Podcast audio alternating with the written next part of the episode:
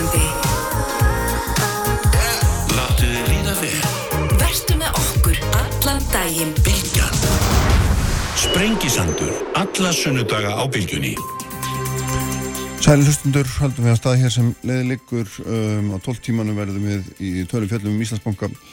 Málið með uh, stjórnmálafólki uh, Dagur Bjækirtsson og Hildur Björnsdóttir átvitað samfélkingar og sjálfstæðisflóks verða hér á eftir raugraðinu aðeinsum framtíðina í Reykjavík. Hefum kostningabaráttuna fyrir 17. kostningarnar en ég ætla að byrja að tala hér um alltaf mál sem er þar sem við getum bara kallað uh, lagt gengi drengja í íslenskum grunnskóla. Um, það er nú eins og þannig að rannsóknir sína að alltaf 34% drengja get ekki lesið sér til gags við útskrift úr grunnskóla sem er alveg ótrúlega tala og vallamaður trúin en þetta sína nú ágættar rannsóknir sem hafa verið gerðar ofnbörjar og að því ekki best veit ekki gaggrindar í símanum Norðana Akureyri Svafa Þórildur Hjaltalín sem er kennar og hefur kent lestur í held ég einn 30 ár. Eftir sem er skilst og Magnús Þóri Jónsson er hérna hjá mér sem er nýkjörinn formaður kennarsambandsins, skólastjóri og kennari og sömulegis með 30 ára reynslu úr skólakerfunu Sæl Magnús og Sæl Blessu Svafa. Já, sæl og sælir. e, bara, byrjum bara á því að aðeins að staðsýta okkur er þetta rétt, er þetta rétt að það sé þriðjungur drengja, Magnús ef ég byrja á þér sem að bara kemur út úr grunnskólakerfunu okkar og getur ekki lesið til gags er þetta, er þetta réttar tölur? Ég held að við bara, það, það, sko, fyrst, fyrsta, fyrsta svarið er alltaf það að allar tölur sem að, öll tölfræði sem okkur er rétt mm -hmm. e, draugum ekki djefa. Það er bara alveg þannig að við erum, þetta er, þetta er, þetta er búið umræðu þetta er tíma og ég held eitt af því sem að við Íslingar þurfum að vera miklu betri er það er með þetta lesin í rannsóknir, við þurfum að eiga fleiri rannsóknir og við eigum að skoða akkurat þá tölfræði sem gemur út úr slíkum rannsóknum. Þannig að það, það er bara við þekkjum það svo sem úr alls konar veruleika, ef, ef að niðurstöndar er okkur ekki að skapi, þá kannski fyrir við stundum að reyna að finna einhverja leiðir til þess að svona, tóna þar aðeins niður, en ég held að það sé bara full ástæða til og hefur verið þetta lengi að, að umræðan um um þennan afmarkaða vanda sem við erum að tala um hér og kannski snertum svona aðeins meira heldur en bara læsið hérna í gegnum umræðina að þetta eru tölvöldar sem við erum að vinna með þetta eru tölvöldar sem við tökum marka og tölvöldar sem við viljum að lægist inn í skólakerfinu þannig að ég held að það sé engin ástæða til að draga það í efa að, að, að, að þessa tölvsjur réttar. Rýmar þetta við þína reynslu sem kennar á skólastjóri? Sko, já, það er náttúrulega, ég, að, ég byrjaði náttúrulega fyrir 28 árum mm. inn í skóla og, og það er náttúrulega það sem var klárlega eitt af skrefunum sem eru mjög jákvæð er það að við séum farin að ræða mál á þessum grundvöldi og það er alveg þannig þegar ég horfið tilbaka í minni bæði skólagöngu sem, sem, sem íslenskur barn unglingur að þá einhvern veginn var það svolítið talað þannig að við værum rosalega læs, við fengum bara 10-15 bækur og, og, og vorum bókað þjóðinn þannig að þetta var ekki endilega aktuelt umræð þegar ég stíg inn í skólan til þess að kenna nára sykli fyrir 94 þá er þetta einhvern veginn ekki umræða sem ég til dæmis fæ sem, sem kennari að þetta sé hlutverk mitt og ég sé þar að kenna 9 og 10 ára konlega börnum og undir upp júlingadelt þá var þetta einhvern veginn þannig að þetta var einhvern veginn gengið svolítið útráð því að menn væri að koma á einhvern ákveðin stað og það var ekkert kannski mikið gert í því ég, ég kynist því mjög fljótlega þegar ég kem hér í borgin að vinna að vinna með hópi barna sem áttu við námsörðuleika stríða mm. og þar til dæmis rýmar þessi tala þriðjungur kannski við það því þar, þar, þar var þetta svolítið sínilegt og þeim tíma var verið að raða námsópum upp út rákunni getu oh. Þannig að þar, þar voru við að glíma við e, það að til dæmis þurfa að lesa Gíslasögur Súsunar mm. og ég var að kenna hópum sem átti að gera það sem ég ræk mig mjög, mjög klart og ákveð á að, að voru ekki að ráða við þetta. En, en núna því sem eftir við liðið á þá, þá hefur sem betur fyrir þessi leið verið valin að fara í rannsóknir og mælingar og fara í gegnum og þannhátt þannig við séum að adressa vandan og mín tilnefing er alveg svo að, að, að staðan hafi ekkert endilega verið endilega betri en það er rosa erfitt að tala um það vegna þess að mælingarna er ekki til. Og við eigum bara núna að, að horfa á það. Til langtímaverkefni og skamtímaverkefni og svo var náttúrulega með mikla reynslu í þessum, þessum verkefnum núna undanfærin ár að við þurfum að horfa á það að þessi, þess, þetta er það sem við ætlum að vinna með þetta er tölfræðin, þetta er staðan sem er núna uh, hver, hver, hver hún var er svona bara hver tilfinningabundi en svona er hún núna og við þurfum að taka mm -hmm. því. Mm -hmm. Svo hvað hva, hérna, hvað segir þín reynsla? Stemmi að stemma þessu tölur vel finnst þér? Já, ég dreg það ekki ef og, og það sem kannski sorglegast við þessa tölu er að, að hún er að hérna hefur verið undanfyrir ár, þetta er ekkert nýtt. Þannig að, að við hefum greipið mjög illa og sendt inn í og þetta er ekki bara í, í leskilingi heldur líka í starfsæða náttúrufræði þar sem við erum að fara niður á við og við erum til dæmis að skora 454 stig í písa en norskir og danskir innflytjendur 457. Við erum sérst fyrir neða norska og danska innflytjendur og það hlýtur að segja okkur eitthvað og hérna Magnús eins og þú saðir og ég tek undir það að ef við fáum ekki þá niðurstöðu sem við viljum þá kannski fyrir að kenna ykkur um og ég held að við hefum verið bara dvalið á lengi við það. Þá er, er þið það að vísa og þú hérna til þess að, að, að þegar þessar niðurstöður og písaransóknum berast þá fara mann gerðan að gaggrina aðferðafræðin eða segja að svörun hafi verið léleg og ég man ekki hvaða svona, hvaða hálfstrámenn grípa almennt í. Það byrjaði jáfnvel við að unglingarnir hafa ekki áhuga á þessu. Já. Þannig að þeir fá ekki, að þeir fá ekki tölur en, en hvað er þá metnaðurinn sem við ættum að vera búin að byggja upp frá því að þeir byrja í grunnskóla. Já. Þannig að þetta er bara alveg stað og, og, hérna, og ég vona að, að nú sé lag og bara þakka því að kella það fyrir að vekja máls á þessu. Svo ég kannski grípa akkurat inn í þetta og tölum um mitt svona það, það, það hvað við grípum inn í að, að hérna, ég held að eitt af því akkurat sem að, sem að Íslensk skólakerfi sko, hefur kannski ekki alveg verið í sama takti við önnur og kannski er það meðal annars smæðin sem, sem að við lendum í því það, ef, maður, ef við berum okkur saman við e, til dæmis bara Norðurlöndin hvað þá við fyrir að fara í kannski víðar um, um heim þá, þá er það þannig að, að við einhvern veginn við erum viðkamari fyrir þessum niðurstöðun mm. þetta er, er, er það þannig, til dæmis að PISA sem er gaggrind próf og mælir heilu skólagerfin getur komið ítla út eða þú ert í áttamanna hópi á snæfisnesinu mm. að þá getur verið erfitt að finna sko eitthvað það niður og það hefur svolítið þýtt að við hefum svolítið svona ítt ákveðnum niðurstöðum til liðar og, og það er auðvitað bara eina af þeirri ögun sem ég held að við þurfum núna bara á, á þessum tíumpunkti eins og Svafa segir þá hefur lítið þokast. Það, það, það, það sem hefur kannski helst þokast er það það svona, er komið þess merki að umræðan er komin inn í þá, þá sektora sem við viljum sjá inn í, inn í, inn í, ráðuneyti inn í sveitastjórnir ákveðina sveitafélag og minnur að koma þann staðin að það er einhvern veginn það sem við þurfum einhvern veginn að vinna með. Og við höfum alveg fengið bara nýlega dóm Að það var til þessum hluti sem skólan aðgræningar sem kannski tengist þessu einhvern hátt að þar var til dæmis talað um það að okkar innlegging tókst ekki vegna þess að við vorum ekki með uh, langtíma markmið, vorum ekki mm. með skipulaði klárt og það held ég sér klárlegt að því sem að, eins og svaðbendur á, er kannski rétt að við erum búin að vera á lengi á einhverjum ákveðnum stað vegna að við höfum ekki sest niður og, og markað okkur bara svona einhverja viðbara stefnu sem, sem heldar samfélag og það held ég að sé leiðin sem að við verðum einhvern veginn að tekna upp og erum kannski aðeins byrjið núna sem átt að vera löngu byrjað sko. uh -huh, uh -huh. þá er það oft svo auðvitað að benda á prófið sko. já, já, já. Mér langar líka til að benda að þetta er ekki bara neðstur í písa það eru, það eru margar kannanir á, á leiðinni þanga og, og við erum með hérna vísbendingu, við erum með tölur úr leikskóla að við erum með vísbendingur um orðaforða barna sig að fara vera aftur frá 2015 til 2020 og, og hérna þau skilja Ísland tungumál síður og kunna oflítið af orðum og þarna þurfum við náttúrulega kanninu hansvísu. Mm. Við erum líka með tölur um 39% ekki læsir eftir annan bekki reykjavík. Hver tölur eru hverki til annar staðar. Eh, þetta eru tölur síðan 2019 Við erum með 32,5% innflætjandar sem er í grunnskóla á rauð og gullu ljósi þau kunn ekki íslensku. 26% falla úr framhaldsskóla, mm. 31% rengir, 22% stúlkur en 62% innflætjanda. Þetta er rópandi. Mm. Uh, við erum með hérna, aukna livjanótkun. Bæði á ADHD og kvíðarlifin, alveg rosalega háartölur með að við hérna, til dæmis Svíþjóð. Við erum með 2019 tóku 15% drengi og 7% stúkna aðtíð hátilið og 21% íslenska drengi að 10-14 ára tauga og gæðilið á móti 9% sænskra drengi mm.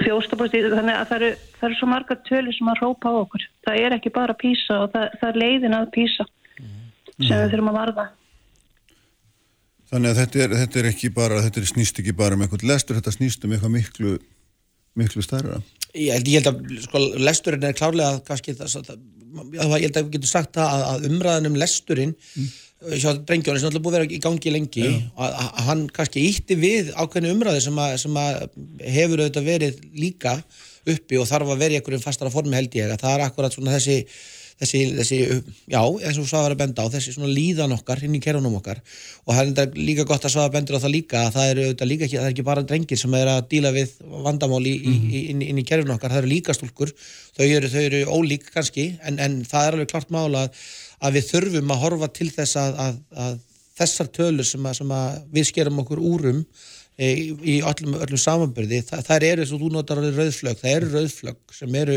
í kerfinu og það eru eins og ég kannski komið nóðan, það er aðeins svona, það er að komna núna myndi ég að sé að síðustu bara árum hafa menn aðeins að marka sér svona eitthvað, eitthvað viðbrastefnu og, og hérna búa til eitthvað leiðir að því hvernig við ætlum að fara að leysa þetta og svafa bendir á mælingar í Reykjavík, Reykjavík hefur tölur tekið sér á síðustu áru við það að bæði mæla þennan afmarkaða læsisvanda að verið að fara í gegnum niðurstöður á líðankonunum inn í skólunum og því það ekki það kjæri ágæðlega búin að vera það síðustu sjö árin og er að búa til eitthvað viðbrastferil og það er auðvitað bara, það er auðvitað fyrsta skrefið að það er að búa sér til einhvers konar einlegan áhuga því að við ætlum að ná árangri. Og það kannski, það sem ég er oft fundist sérstaklega á þeim sem að kannski standa ofan við skólakerfið og eru, eru, eru þá pólitíkin eða fræðslurráðin eða hvað þau getur, hvað nafnum þeim hefur verið kallað, þau hafa oft kannski notað svona ákveðna fyrirsagna leit í þessu það, mm. hefur, við hefum verið að fátu písa niðurstöður veist, það, og, og, og það, það eru frekar góðar niðurstöður písa, ég þekki prófið ágætlega þó að ég telli það að það með alls ekki verið einu mæli hverjum, þá er einn af þeim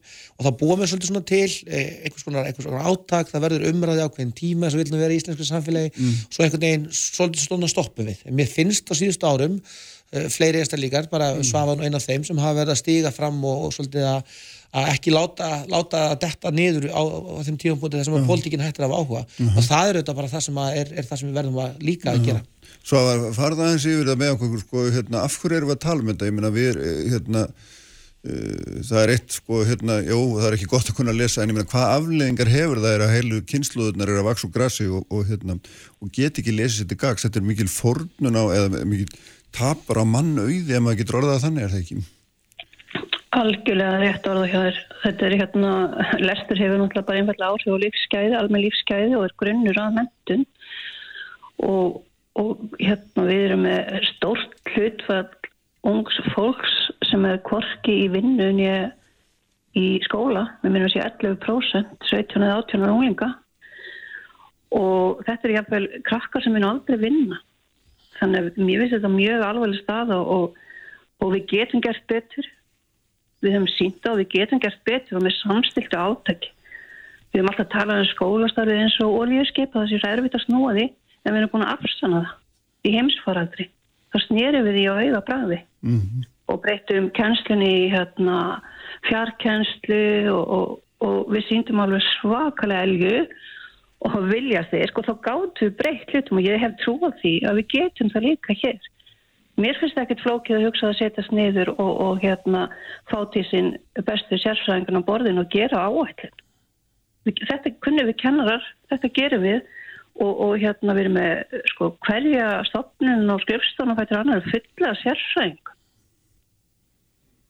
Þú veist ég, hvað er áætlinir þessara sérfræðinga? Ok, þú tala Magnús um að það sé eitthvað gerist í Reykjavík sem er mjög jákvægt og við erum alltaf með frábært verkefni í Vestmanni um kveikjum neistan þannig að mm. það er sveita fyrir að alltaf gjössanandi fyrirmyndar að þóra stíga þess út fyrir ramman í þeirri vonum að hérna, bæta árangur nefnda sinna og ekki bara árangur, er líðan líðan hérna barnana, kennaran og fóröldrana þannig að við eigum leiðir, við eigum mm. vísindun og ég hef oft sagt með vísindin hvers vegna erum við svona feimið við þau í mentamálum Erum við það? Í náttúruhamfur, já, mér finnst það. Í náttúruhamfurum þá kallum við til vísindamenn og þeir fara fremstir fremstir í flokki og það er hópur af hérna, björgunarsveitamönnum eins og ég segi hjálparsveitin kemur. Þetta er nákvæmlega saman í, í hérna, COVID. Hvað gerum við heimsfaraður? Hvað er á vísindamenn? Það eru þeir sem að tjá sig og rannsaka hlutina. Uh, hvað er, hérna, er okkar björgunarsveit? Af hverju eru við svona feimið að fara hérna, við förum frekar í sko hjólum í mannin í snæðan fyrir málefnið þegar mm. vísindur annars vegar? Þannig ég segi það við getum gert betur og auðvitað þurfum að efla íslenska mentur ansvöður Algjör, algjörlega samla sögðu þarna og ég held að þetta sé bara kannski líkilina svo mörgu, þú spyrjaði mitt hérna, Kristjana því hvað, hvað þetta þýðir. Mm. og það er ekki langt síðan að velferðavaktinn var, var að gefa út skýslu sem bara beinlinni stróða fram hversu, hversu mikil áhrif það hefur þegar bann kemur upp úr grunnskólanum ekki tilbúið að taka stáði næsta skólastig og, og það, það þýðir bara í flestum tilvíkum að þá er, þar, er barn að berjast við verkefni sem það ræðir ekki við og fyrir mm. brottvall og, og þetta voru bara tölur svo á að vísa því þær hérna áðan og kannski áþur að endur tökka þær en þetta er auðvitað bara stórt mál fyrir okkar samfélag og þetta er mál sem, sem betur fyrir menn hafa í, núna í mentamálalandu velferðarfættin tók það upp og ég hef hirt það síðan þá tala menn bara um þetta þjóðhanslega hagkvæmt uh -huh. að vinna á þessum vanda að, að fækka þeim einstaklingum sem að koma þannig út úr 10, 12, 14 ára skólagöngu að þeir eru ekki tilbúinir að takast á við það að vera inn í samfélaginu okkar. Það, það er bara líkil atrið og því Já. miður hefur það, svafa bendir á þessa hópa sem að kannski hafa vestorðið þar úti og það eru rannsókn til dælu nýlega rannsóknum það að við höfum til dæmis ekki verið að gera nægilega kröfur til e, barna sem er ekki með íslensku sem móðumál sem er að verða um 20% barna í íslenska grunnskólakerfinu og og við búum auki enná því að samtöku og atnlífsins þá þurfa að fara að fjölga já, fólkin í vinnu og já. það er kannski það eitt af þeim verkefni sem við verðum til dæmis núna að vera miklu ákveðnir í því. Þar til dæmis gaf Pís okkur stærstu fallengununa við vorum bara hreinlega að standa okkur mjög, mjög, mjög illa. Enver heldur að svá að vísa þér hér áðan hvernig við höfum verið að vinna með börn með annað, annað tungumál en íslensku. Mm. og þar hef ég nú svo sem ég vetur verið að, að rýna í, í hvernig önnur kæru hafa verið að gera og til dæmis kynnti mér út í Svíþjóð sem að svona kannski lendun út í ákveðinu skurðin hafa verið að vinna með. Og þar var það ákveðin viðhórsbreyting þar sem þeir bara sögðu, þú veist, það, það er engin afsökun lengur að bann sé að koma hér frá, frá öðru landeldur í Svíþjóð þegar það kemur út úr skólanum okkar þá þarf það að vera tilbúið að taka stáði næsta skólastig uh mhm. -huh. og þar með þegar þú hefur tekið þá ákvarðin sem stjórnmála aflega þú ert sem samfélag búin að taka þess ákvarðin þá rínir þú hvað er það sem þarf uh mhm. -huh. og þá er alltaf það sem að svað vera að vísi algjörlega líkil atriði að við gerum að, að við notum vísindamær, við finnum gaggrindar aðferð, við, við rínum þannig inn að við getum ekki bara látið okkar magatilfinningu og okkar tilfinningu verða í lægi. Svo er annað sem að hefur mjög mikið verið að setja rúmspari í kennslufræðum almennt sem að ég held að skiptir mjög mjög mjög máli að víslinningar horfum inn í, það er bara svona leiðtóafræði það er það að kennarin er í leiðtói við þurfum að vinna með leiðtói og leiðtóin þarf að hafa þar bjargir sem, að, sem að eru, eru, eru til þess að vinna verkefninu mm -hmm. og hann það líka, hann sem sjálfur sem, sem einstaklega þarf þá átt að sjá því að hann er leiðtói þetta er umræðar sem að mér hefur fundist að fara mjög hátt í kringum okkur, Skandinavíu Breitlandi, Bandarækjamenn, kannski oft verið þarna þessum stað, Kanadamenn, eitthvað sérflokki að búa sér þessa ímynd til að við séum að leiða verkefni sem að skiptur okkur mjög mjög máli mm. og það er auðvitað er alltaf bara klárlega máli að þar erum er við líka að eiga við samfélag sem er meira lifandi heldur þegar við vorum ungir og ung mm. eh, sem að þýðir það að við höfum kannski þurft að horfa í fleiri áttur heldur en bara bókina sem við vorum að gera. Það, það, það eru óleik áreiti sem að vera að taka stáfið og það eru eitt af verkefnum sem við þurfum líka að gera. Einmitt svafa vísar í hvernig við fórum gegn COVID, við lærðum ákveðinu luta COVID, við lærðum líka uh, það að, að tölvan einu sér getur aldrei orðið Sé, þessi leysir öll heimsins vandamál, alls ekki en hún aftur um þetta hefur ákveðið tækifæri til þess að brjóta upp hlutina í minni fórm og minni hluti og það er þetta bara eitt af því sem ég held að sé mjög mikilvægt að mm. við notum vísindum en notum rannsóknir oh. sem að er að horfa til þess hvernig mm. eru strákar að læra okkur um aldrei, hvernig eru stelpur oh. að læra okkur um aldrei og hafa kjartirins að taka það á okkur oh. það, þetta er þjóðhalslega hagkvæmt mál að við lendum ekki eins og Svafa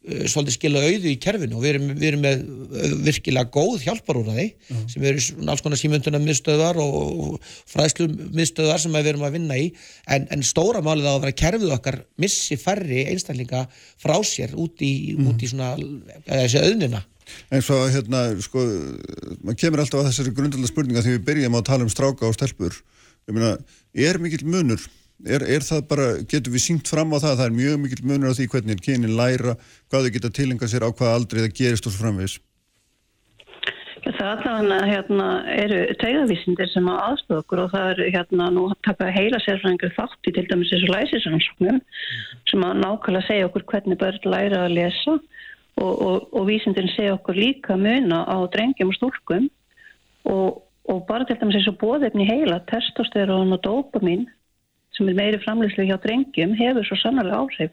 Bæðið þurfa þeir meiri reyfingu og við ættum að setja meiri reyfingu inn í skólana og þeir læra frekar fá þeir áhuga á viðfánsefninu. Og þetta er bara rosalega mikilvægt fyrir okkur kennara átt okkur af þessu. Þá er það okkar hlutverk að, hérna, að kveikja áhugan. Stelpur eru samverksamari og vinna verkefnin sín þess vegna frekar. Þannig að, að þetta eru vísindin sem segja okkur þetta og, og við erum að taka mark á þeim.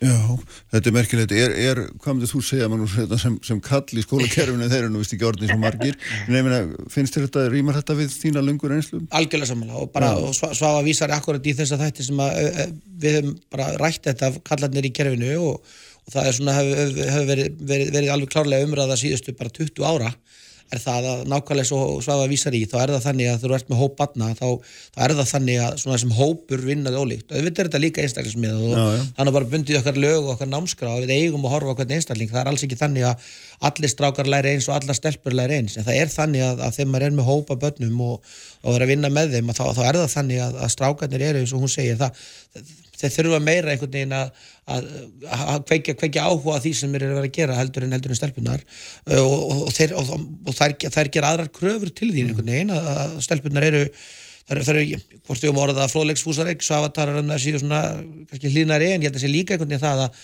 að, að kerfið okkar miðar meira að því að, að svona koma til móts við þeirra, þeirra leiðir sem betur fyrir hefur nú dreigið úr svona vinnubóka, notkun og skreiteringum sem voru nú kannski á köflum mjög mikið lumræða, þú veist, þegar þessi umræða var að byrja þá varum við náttúrulega að vinna í umhverju sem var mjög mikið að vinna bara með vinnubækur, lesbækur, skila svona vel uppsettum handritum af, af, af verkefnabókum sem var náttúrulega fjall mjög illa að, að strákonum eh, það, það, það er einhvern veginn það að, að fá, fá, fá meiri snertingu við viðfáðsefnið sem að skiptir máli. Og ég segi það stundum að ef að, ef ef að strákur fara áhuga einhverjum hlut þá er hann alveg viðbúin til þess að vera kannski að taka sömu bókin eða sama verkefnið tíu sinnum og útvarað ákveðin hátt meðan að stelpan vill, vill fá, fá, meiri svona með örfun og fer út úr því. Og þannig að það er alls konar hluti sem einmitt vísindamenn og fræðingar hafa verið að benda á sem svo hafa verið að vísi sem að, sem að þarf að fara að herra. Og þá segi ég það aftur að ef ég virkja hópin minn eða kennarana mína sem leiðtóa sem hafa ennilega áhuga á því að fara inn í hópin sinn og, og vinna þessu verkefni svo á þennan hátt, það held ég að sé leiðin og löstin að, að við búum til eh, einhvers konar vettvang sem, sem að þarf að vera klárlega sterkari rannsóknar vettvangur við þurfum að hafa kjarki það að kalla til vísindamenn sem svo svafra vísi og til dæmis ég veit að þið út í Vestmanniðum hafa verið að vinna sem að miðamáls og læsis hefur verið að gera Reykjavík líka.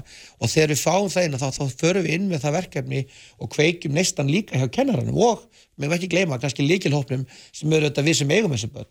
Að það er þetta það sem er og þess vegna er þetta verkefni út í Vestmannum og heitið á því finnst mér passa mjög vel að við kveikjum nestan það hefur náttúrulega auðvitað ég ætla ekki- að uh, bara skora snitt undan því að það hefur vissulega verið mjög misjant hvernig okkur við gengið að kveikja nestan og áhugan í samfélagi sko, heimilana það er alveg þannig að við erum ennþá eiga við það að, að, að, að við þurfum líka að fá þau með við þurfum að fá þetta þarf að, ef þetta á að ganga þá þarf þetta alltaf að fara í gegnum þessa, þessa, þessa, þessa þrýþættu, það er, það er stefnan, það er skólinn, það er heimilið. Það er auðvitað bara líkil atrið að við, einhvern veginn búum það samtal til. Og þá til þess að leysa vandan ekki kannski bara einmitt að segja þetta er 34% vandi hvað ætlaði að gera? Þetta þarf að vera sambland af öllu og þar skiptir mjög miklu máli fyrir leittóðan að þekkja hópin sinn og þekkja þar aðstæðar sem hann býr við heimaður Já, svo að það er hérna, því þú ert, hefur náttúrulega gríðalega reynslu einmitt af lestra kennslu og það er, hérna eins og þú sagðir í upphafi að það er náttúrulega undistað alls en maður þarf ekki að svona googla sér langt til þess að sjá að það er það er ekki alveg allir sammála um það að lesturinn sé eina, eina atriði sem að þarf að laga eða það sé raun og veru, ef, ef að það er því lagað allt þessi kynjamunur og, og þessi svona laga framist að strákana kannski fyrst og fremst í grunnskólanum muni lagast, Ég meina, hvernig horfir þú á, á þetta? Eh, Þetta er alltaf bara stórt atrið en svo er líka sláandi tölur um hérna félagsverðni. Samkvæmt OECD 2020 skýrstu UNICEF þá skorum við lagst á Norðurlandurum í félagsverðni. Við erum að fá, erum að fá fleiri og fleiri flögg en í það sem að ég bara segi við þurfum bara aðgjörð núna. Og við þurfum að nota hérna vísinda og fremstu rannsóknir sem útgangspunkt. Og við þurfum að efla grunnferðni og við gerum þeim að gegnum markvisa þjálfuna eftirfylgni. Og við þurfum að vera með áskonum með færðni og efla ástriðun og þetta er verkefni í Vestmannheim sem að, að ég er svo langsam að fá að taka þátt í. Og ég vildi orska þess að ef ég fengi einhver ráðið að öll sex ára börn á Íslandi fengi hérna að gangi gegn þetta verkefni því að það er mjög badmænt og það er kennaravænt og það er foreldravænt. Og mér langt svo að segja frá því að á hverjum degi hafa þau ástriði tíma. Þau velja sér hvað þau vilja gera, þau velja sér á hverjum degi. Og ég hef að sögu einu sem til dæmis var búin að velja sér tíu sinni mér að fara í heimilisfræði. Og hann er svo áhugasamur að hann er farin að, að stúsa í eldur svona heima og við tilbaka og svona. Sumi velja sér oftar smíði og, og mér finnst þetta bara heimlist og, og þarna faraðu glöð heim á skólanum og þarna er sko já, þróað ástuðina, finna ástuðin og þróa hana. Er, er það grunn, grunnstefið í þessu verkefni sem sagt, eða hvað? Já, það er eitt af grunnstíðunum. Já, Það er, það er þannig og, og við viljum efla færni nefnda á sem hérna flesta máta og hérna við erum með hugafar líka og rannsóknir sína að það skiptir rosalega miklu máli og, og grósku hugafar og, og það var til dæmis mjög ánægilegt þegar ég fór til, í heimsóð til eiga og lítil sex ára sem að sagði að hún gerði, hérna, gekk vel með verkefnið af því að hún síndi svo mikla seglu alveg indislegt þannig Já. að, að það verður að koma svona inn hjá þeim þessi grósku hugafari og í kennarana. Þannig að og það er bara mjög holdt að máta sig inn í það Er þetta ekkit, uh, sko, ég veit ekki hvort það er kjáld að spyrja svona, en er, erum við ekki farin að flækja þetta svolítið fyrir okkur? Við erum komið með heila sérfræðinga inn í lesturinn og erum farin að vinna með hugafar og leituafærni og þetta er mjög mörg stór og mikil, mikil hugtök. Jú, jú, klárlega, en, en, en, en, á móti þá, þá er það kannski tilfinningin sem þú færð, þú færð og kynir þér kannski þau kerfi sem hafa verið að koma sterkust út í, í, í, bara í mentunum og í fræðunum og þá er það kerfi sem er mjög mikið að rýna einmitt í þessa þætti. Og við eigum bara, veist, við, að mínu viti þá, þá er íslenski skólinn að mörguleiti mjög sterkur, það er bara þannig að við, við, við einmitt höfum, höfum meldingar um það, við erum að reyna að vera með kannski meira jöfnatæki heldur á mörgum mörgum stöðum, við höfum verið að stíga skref, ég er samanlega sögum með félagsvarnina, við höfum, það er líka verkefni sem við höfum verið að vinna aðeins með, þannig að þegar við höfum verið að fá inn til dæmis bara hæfustu sérfræðinga í heimi, þá sem hafa komið til Íslands og verið að skoða skóla, þá benda þeir alltaf á það að við erum með bara bjartaskóla, börn sem eru tilbúin að taka þátt í einhverju en, en, og, og gera yfirslegt, en einhvern veginn að það þarf að virkja hana mannuð og þá er það bara alltaf þannig að þú veist, þú ert náttúrulega vantarlega ekki, þú ert ekki með heila, heila sérfræðing hérna í löðanarskóla, alla þriðdagsmóta, nei. en það er aftur á veginn að við búum til þetta sem að ég kannski verið að ræða hérna í gegnum árin einhvern veginn að þessi, þessi einlega áhugi, þessi, þessi, svona, þessi, þessi, þessi pæling að við ætlum að vera að, að virkja þennan mannuð og allir skiptir máli, við, erum með skólanækringar og því miður hefur svo umræða svolítið farið á eitthvað við og dreif, það er vegna sem við viljum hafa það þannig, ég og þú og allt í allir að þegar barnið okkar útskrifast úr tíundabekk þá er það tilbúið ákveðin skref og þá er engin afsökun fyrir því hvernig það er gert. Og þá, þá kallar það á það að við þurfum að vera að virkja það hvað er það sem við, við getum þurfum til þess að ná árangri. Og þá þurfum við öll, ekki bara ég og, og Svafa eða einhverjum í mentakerfunum eða pólitíkin, þá þurfum við að taka þetta verkefni og bara líta á það sem okkar, okkar hlutverk að leiða, ná árangri inn í skólastofunni á hverjum degi, bara alla mánuða, alla þriðuða, alla föstu dag, þá eru þarna bjargirnar og leiðirnar sem að standa á baku okkur.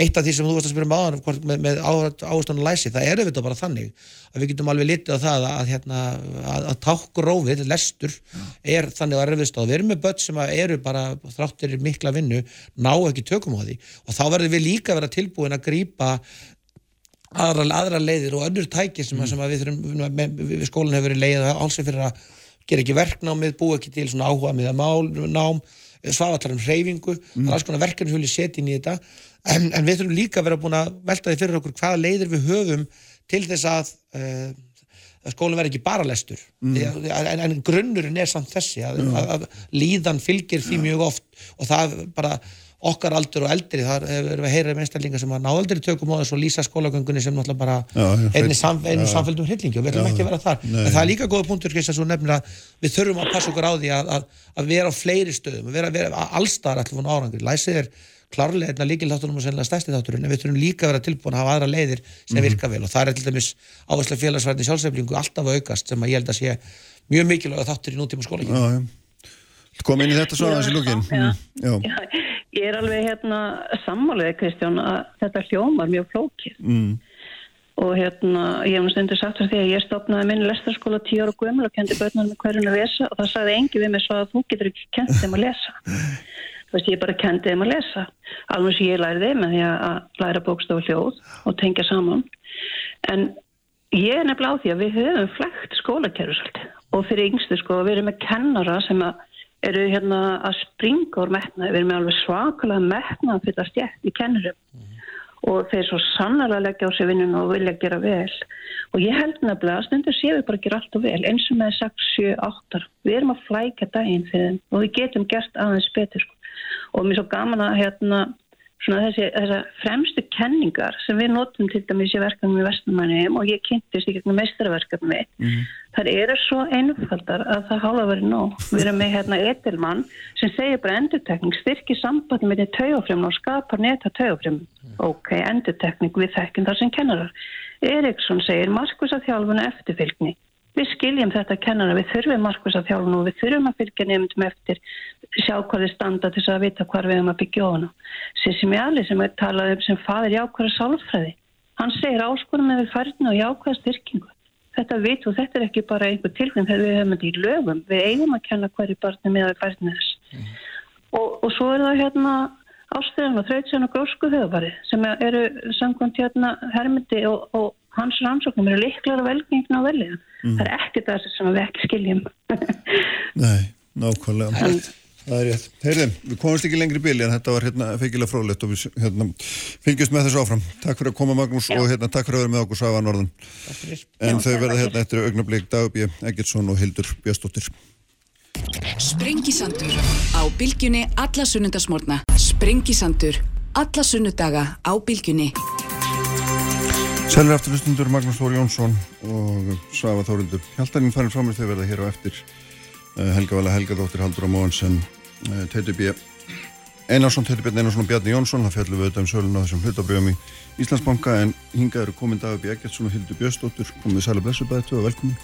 Takk fyrir. Átvitar samfélgingar og, og hérna, sjálfstæðarslokks í borginu Dagur borgarstjóri sem stendur allavega hvað sem verður Nú ætlum við aðeins að byrja hérna, það er ekki svo mikið farið fyrir kostningabarta en þá. Það er svona ótrúlega stutt í kostningar, það er bara rétt rúmi mánuður og það er svo sem ekki, ekki, hérna, ekki mikið farið fyrir barta en hún hlýtur nú að byrja núna og verða mjög snörp hérna bara strax eftir páskaði. Mér langaði nú aðeins til þess að svona þjóstarta. Mm -hmm. Ef ekki bara byrja á almenni spurningu, mér langar að vita um hvað verður kostið, um hvað snúast þessar kostningar er ekki ekki. Ég held að snúist um það er kannski grunninn uh, hvort að Reykjavík sé á réttir í leið mm -hmm. sem ég held að hún sé uh, tvímarlöst uh, við höfum farið á mjög stöldum tíma frá því að, að mat matið hefur verið það að það sé koma offrambóða húsnæðin á markaðin sem að allir virti störa samanlega um 2019 í það að núna er skortur þannig að við erum að gefa í í húsnæðismálunum, við erum að tvöfalda frambóð lóða ári, næstu fimm árin. Og þetta með þessa fjölbreyttu húsnæðistefnu þannig að ég gerir á fyrir að húsnæðismálum verði fyrirfæra mikil. Eh, við höfum í samvinnum við önnu sveitafélag og ríkistjóðina lagt 15 ára plan eh, til að takast á við samgöngumálinn svo þann samgöngusáttmála og eh, núna er komið að framkvæmdum. Borgarlínan kemst í framkvæmda á næsta kjörtíðanbili Uh, mikla breytur á leðin í stokk, sæbröð líka. Mm -hmm. gríðarlega stór verkefni í, í göng og hjólastígum. Þannig að þetta plan likur fyrir. Það skiptir mikla að þessi ekki hika á því. Og, og við í samfélkingunni leggjum í raun til að við beitum svipuðari nálgun í húsnæðismálunum eins og í samgöngumálunum gerum húsnæðis sáttmála til lengri tíma þannig að við séum ekki svona miklum óstöðuleika og ójafvægi, þetta er hugsun til lengri tíma.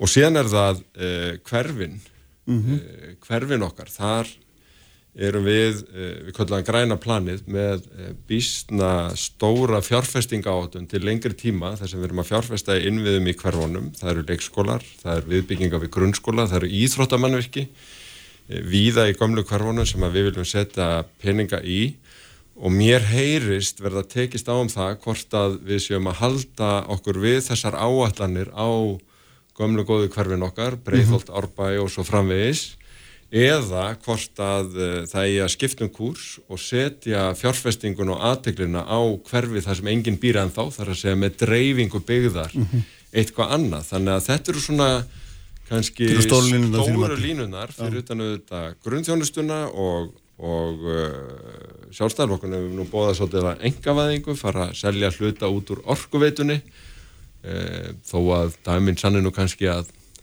flokkurinn sé ekkit sérstaklega góður í því Hildur? Já, ég held að þessar kostningar mm. það er mjög svolítið snúast um fortíðina og framtíðina mm -hmm. og ég held að valkostirnir fyrir kjósundur í voru verði mjög skýrir annars vegar er hægt að kjósa áframhaldandi meirfluta undir fórustu Dags Bjækertssonar sem hefur sannlega settið í borgarstjórn í 20 ár og lengsta verið einhvers konar valdhafi. Og ætlum við að halda áfram að hjekka í sama farinu og tala um hlutina en ekki gera það og framkama þá. Og við sjáum allt það sem að dagur nefnir hér í, í sinni stuttu ræðu eða kynningu og kostninga áherslu með bara það sama og hann talaði um síðast og þar síðast.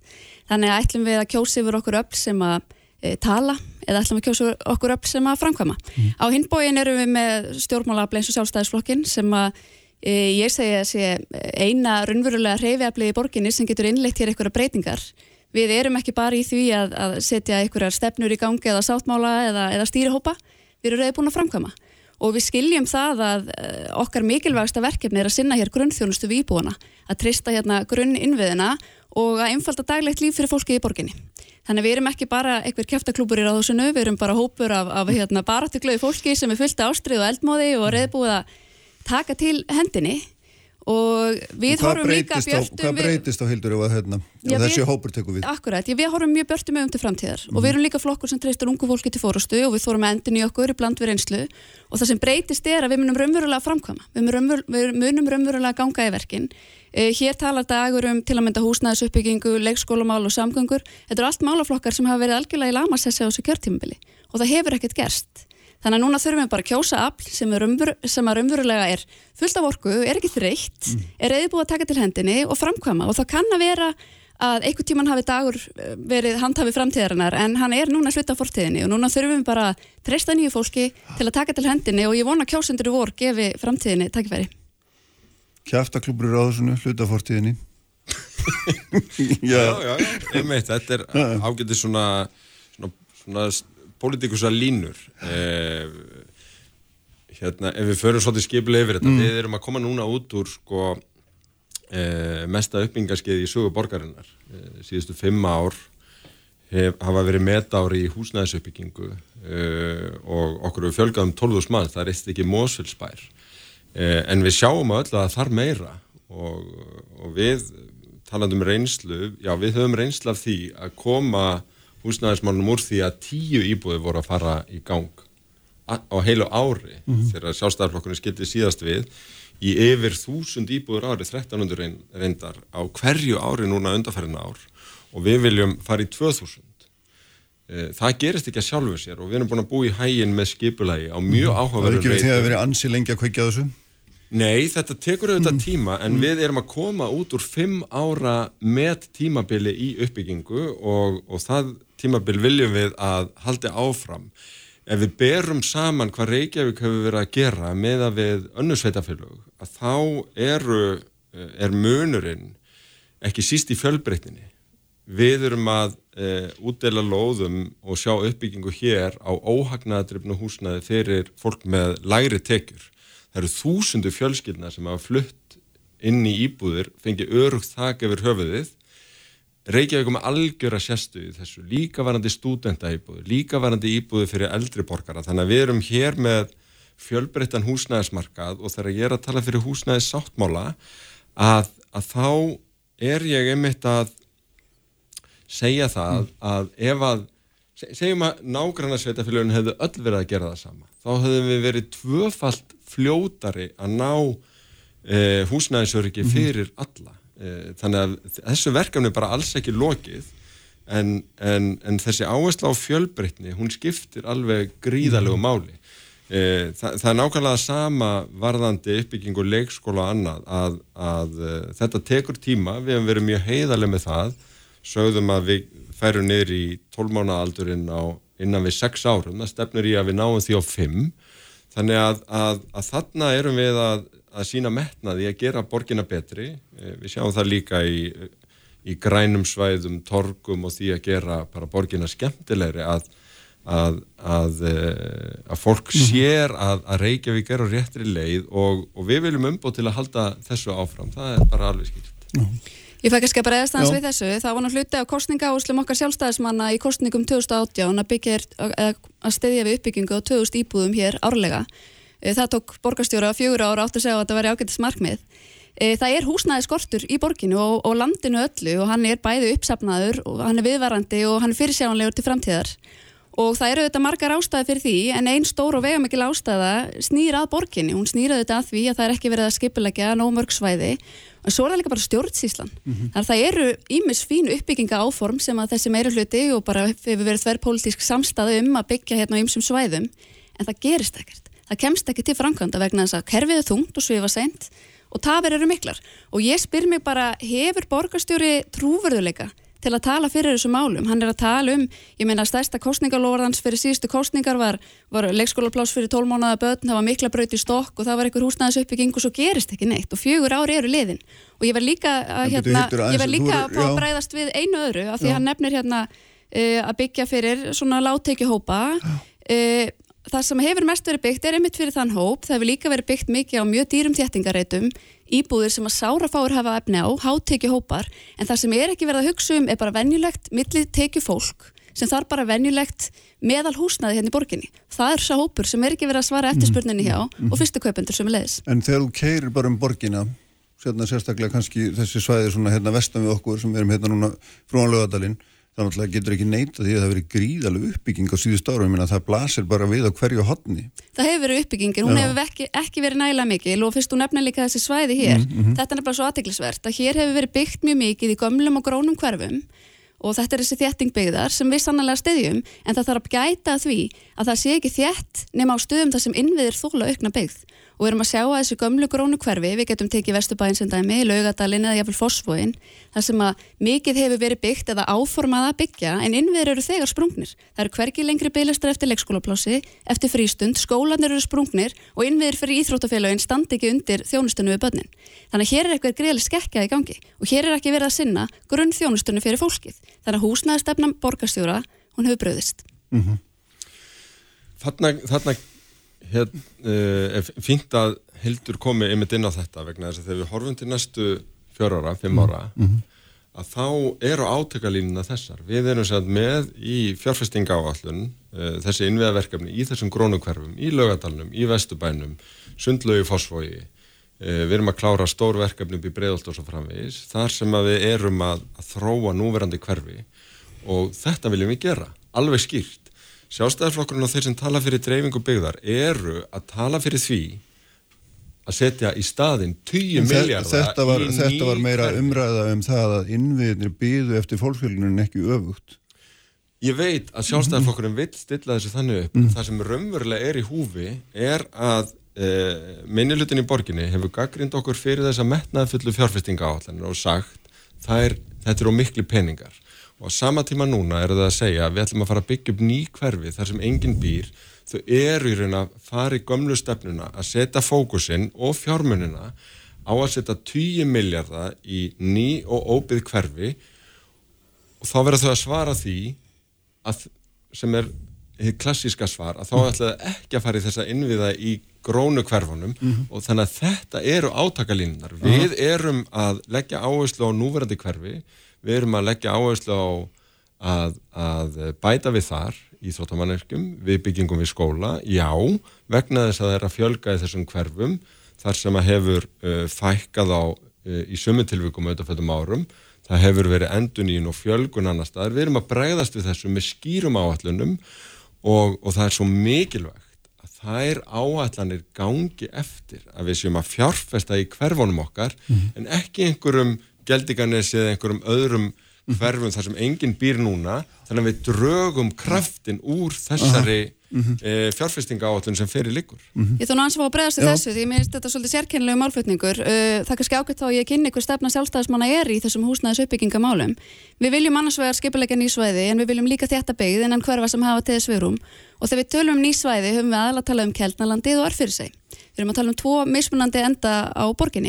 E, Dagur skrifaði nú í vikunni sem leið grein í frettablaði þar sem hann fjallar einmitt um að hann vilji hefja skipulag á kjálnalandinu alveg nákvæmlega eins og við þannig ég veit ekki hvaða dreifingu byggðar hann er að tala um aðra en þá sem hann sjálfur stendur fyrir mm -hmm. þannig að þetta er mjög sérkynlegur málflutningur Það er ekki önnur hverfi sem að þýra að leggja til að verið farið í en þessi tvö Við höfum lagt til kjálnalandi, það er greiðlitt sóknarfæri það mm -hmm. er mhm. líka undirleikandi í samgöngusáttmála það er ákoma 15 miljardar sölu á kjálnalandinu og það eru spennandi tækifæri bæði fyrir húsnæðisuppbyggingu og atvinnulóður og ekki fleiri hverju, þannig þetta er, þetta er dreifing byggðar eins og þið sjáðu hana fyrir ykkur, það Já, er þessi tvö svæði. Svo erum við reyði búin til dæmis að byggja meiri úlvarsódalunum og mm. það þarf að stiðja betur við kjælnesi líka, mm -hmm. en þetta er þetta nýja hverfi sem við erum að tala um, það er mhm. kjælnalandið. Mm -hmm.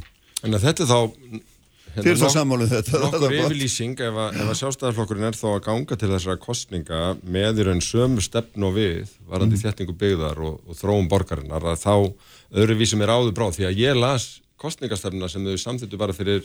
að að örfáum veikum og, og hún talar um gældingarnes og, og annað. Þannig að, að við erum strax farin að sjá kannski umræðana þá kristallast því að, því að e, borgarbúar eh, átta sig mjög fljótt á því að þetta eru tveir ólíki valkostir að fjárfesta í núverandi hverfum mm. eða flytja fjárfestinguna í einhver óbyggð hverfi þar sem enginn býr e, nú þegar mm -hmm. og, og þetta er e, bara mjög mikilvægt mál út frá ekki bara e, uppbyggingunni heldur innviðunum út frá samgöngunum því að það sem við erum að tefla fram er, eru áallanir sem byggja á greiningum sem við, nákvæmlega sveitafélagun, ríkið hafa farið í saman.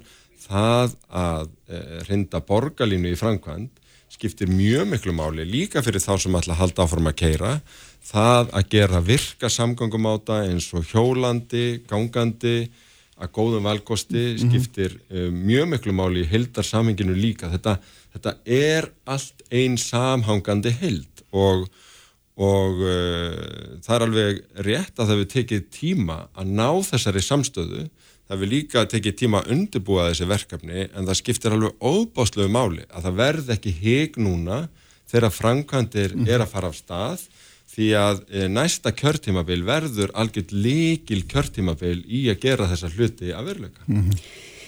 Já, ég er algjörlega sammála því að næsta kjörtímabil sé algjört líkil kjörtímabil fyrir svo margra hluta sakir en ég veð að vera lýsa mig algjörlega ósamála degi því að okkar áslur í húsnæðismálum sé að það er sömu Eh, fyrir það fyrsta þá hefur hann mikið unna því að þetta byggð innan hverfa sem hafa ekki til þess viðrum og þá er einmitt þessi hverfi sem ég lýsi hér áðan það verða hólanuði fólki í hverfum sem þegar eru með sprungna innviði og ekkert gert til að styðja við innviðina á meðan. Og þá þýðir ekkert að segja við erum með þetta á 5 ára plani, við erum með þetta á 10 ára plani. Ef þú standur ekki með börnum sem í dag eru í leikskóla eða grunnskóla þau verða bara að vaksa nú grasi þegar að þessu kemur. Þannig að við þurfum að þjónusta fólki sem býr í þessari borg í dag og við þurfum að leggja áslákurinn þjónustuna og þá þýðir ekkert að vera með einhverja skíaborgir og einhverja yfirlýsingar og einhverja stefnur. Þeir hafi glata trúveruleika í þessum málaflokki þeir hafi skapað mjög þungt og sveifasent kerfi og það ber öllum saman um það sem standað hús, húsnæðis uppbygging á höfuborgarsvæðinu og þessi hverki flóknara og erfiðara að byggja enn í Reykjavík. Og þessu viljum við breyta. Já, hérna tölum aðeins um fleiri, fleiri málaflokka hérna því að við vorum að tala hérna um mentamálun á þann þá er það þetta einn rísastór málaflokkur, það er auðvitað menta mentamálinn, eskulísmálinn og þarna og það er svona nokkuð ófögu mynd sem dregin er upp af því hvernig við skilum börnum út úr grunnskólanum. Og þetta er eitthvað sem að hérna, varður auðvitað ekki bara Reykjavík, heldur samfélagi heilsinni, börn og fullorna og og allan þann mannuð sem við ætlum að búa til inn í þeir nýja hérna, snjallvæta samfélag þar sem við höfum öll að vera klárar í dag heldur en við vorum í gæri, ekki sett? Mm -hmm, jú, jú. Ég var svo aðeins á, á, á þá að heyra aðeins frá ykkur um þetta.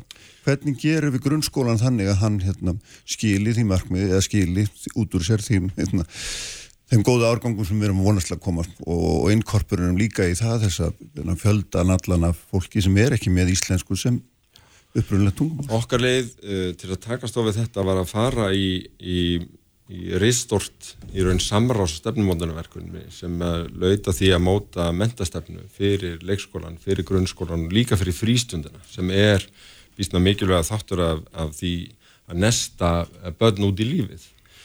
Uh, og þar virkiðum við bæði fagfólki sem vinnur inn í skólanum uh, fagfólki að mentavistas við Háskóla Íslands en líka alþjóðlega sérfræðinga uh, og foreldra og krakkana sjálfa. Niðurstaðan og þessu er mjög eh, skýr sín eh, á mentun og markmið stefnuna yfirskrift er látun draumana rætast. Þess að einstaklingsmiður nálgun þar sem erum að finna með eh, hverju og einu badni styrkleika þess, vinna gegn veikleikunum og veita þann stuðning sem þarf til að fylgja þess eftir settum við umtalsvert stóran þróunarsjóð á stopp sem að e, stiður núna við fjölmörg verkefni þar sem skólar tengja saman, skólastið tengja saman og við erum að Hversu stór er umtalsverð stórsjóður?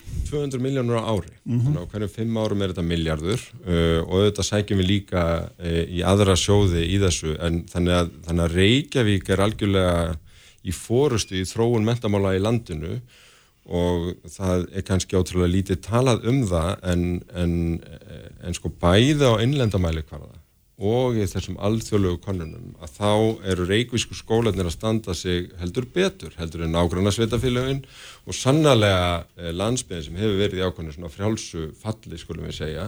Þannig að ég bara tek undir það að þetta er gríðalega mikilvæg mál mm. eh, en það er alls ekki sjálfgefið að þetta sé svona því að félagslegi fjölbreytileikin er óneitalega meiri í Reykjavík heldur en til dæmis eh, í sumu nágranna sveitafélagunum og og eitt af stóru verkefnum sem við hefum verið að glýma við, bæði með greiningum, með aðgerðum og peningum, er uh, börn af Ellendubergi og þarna höfum við líka verið að taka bísna mikinn slag við mismiklar vinsældir við ríkið vegna þess að það er alveg með ólíkjendum að, að börn sem komin í skólakerfi í Reykjavík fá ekki með sér stuðningur í öfnunarsjóði sveitafélaga ef það finnst verið í skóla í Garðabæ eða Seldjarnanes mm -hmm. eða Akureyri eða Seyðisfyrri þá fær það þennan stuðning e, og, og þetta er reynda bara fyrir dómi núna þannig að, að sko það er hluta því að, að stýra Reykjavík að þurfa að vera tilbúin til að taka slægin við hvert sem er þar á meðal ríkið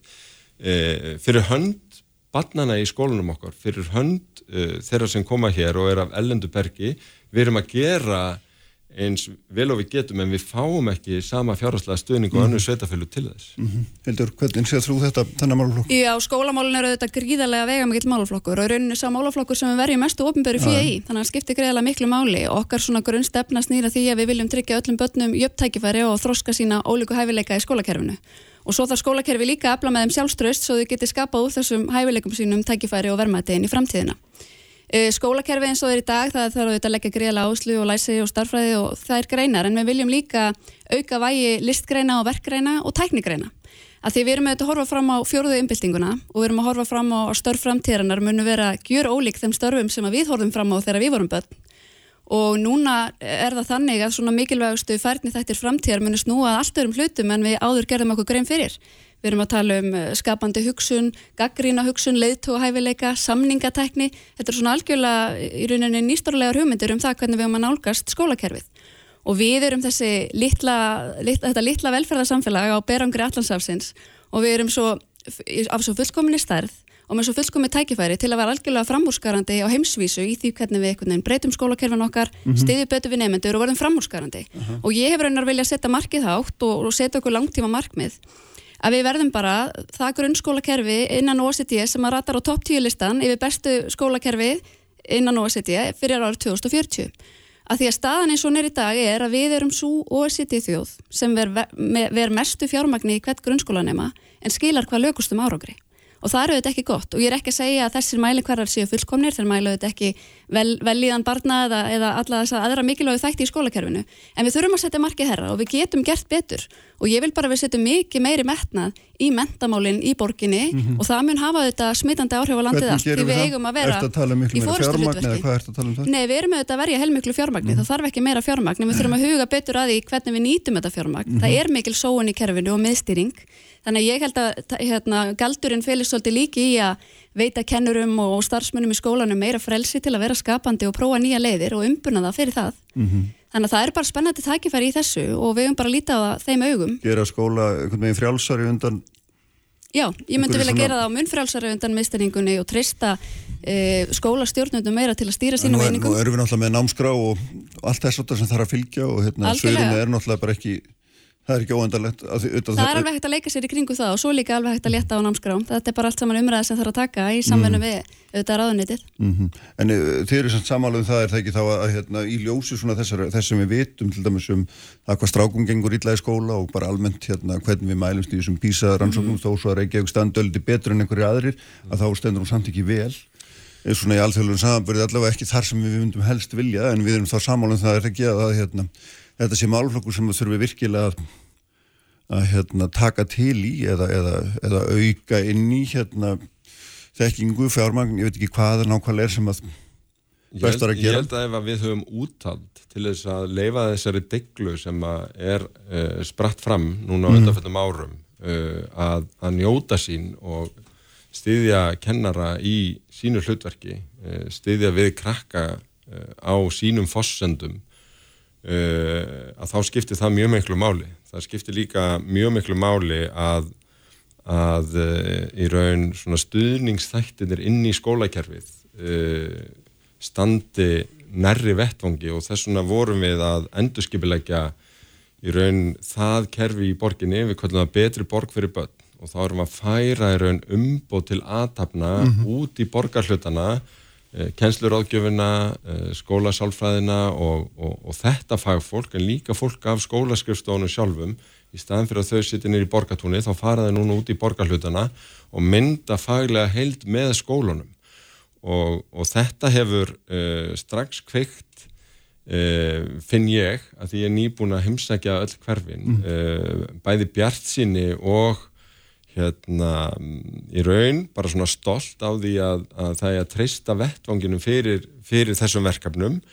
en um leið og ég vil bara halda þetta til haga því að við, við förum stundum í svona heimu vestnandi ferumræðu að að skólanir okkar og, og grunnþjónustan er náttúrulega búin að standa sér alveg gríðarlega vel síðastliðin tvö ári gegnum COVID og hefur sannlega sínt að, að þar getur fólk gert mm. breytingar nánast yfir nótt þannig að, þannig að við heyrum líka að, að fólk sé aðeins sko vígamótt og lúið eftir þessa mm. tvo síðustu vetur og það skipti máli að fá bara svona aðeins eh, andrum og svigrum eh, inn í sömarið til þess að koma síðan af mm -hmm. af bjassin og krafti inn í næsta vetur þannig að, þannig að við þurfum líka að vera svona með tilfinningu fyrir því bara hvað eh, hvað við gengið á sístu tvö mhm. árin mm -hmm. hjá starfsfólkinu sem hefur staðið sem ég segi bara alveg ótrúlega vel Hildur Örstöftum skólamálaðin tökum eitt, eitt hérna Já, mér langar aðeins líka bara að nefna börnavelendum uppruna því við hefum séð það í písakonunum og þau eru að mælast um 23% lakar en börna af innlendum uppruna þannig að við erum auðvuslega ekki að gera nógu vel og við erum að breyðast þessum hópi og mér finnst það mjög alvarlegt. Og við verðum að gera betur og þar vegur sennilega þingst að við þurfum að stegja betur við að læra íslensku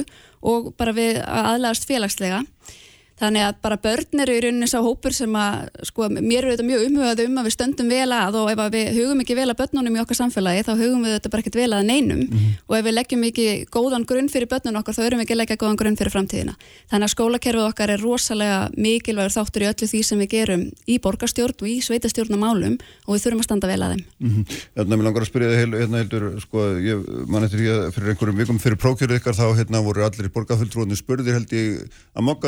í væru með á móti borgarlínunni. Mm -hmm. og hérna, viðhorfum voru frekar neikvæð almennt talað.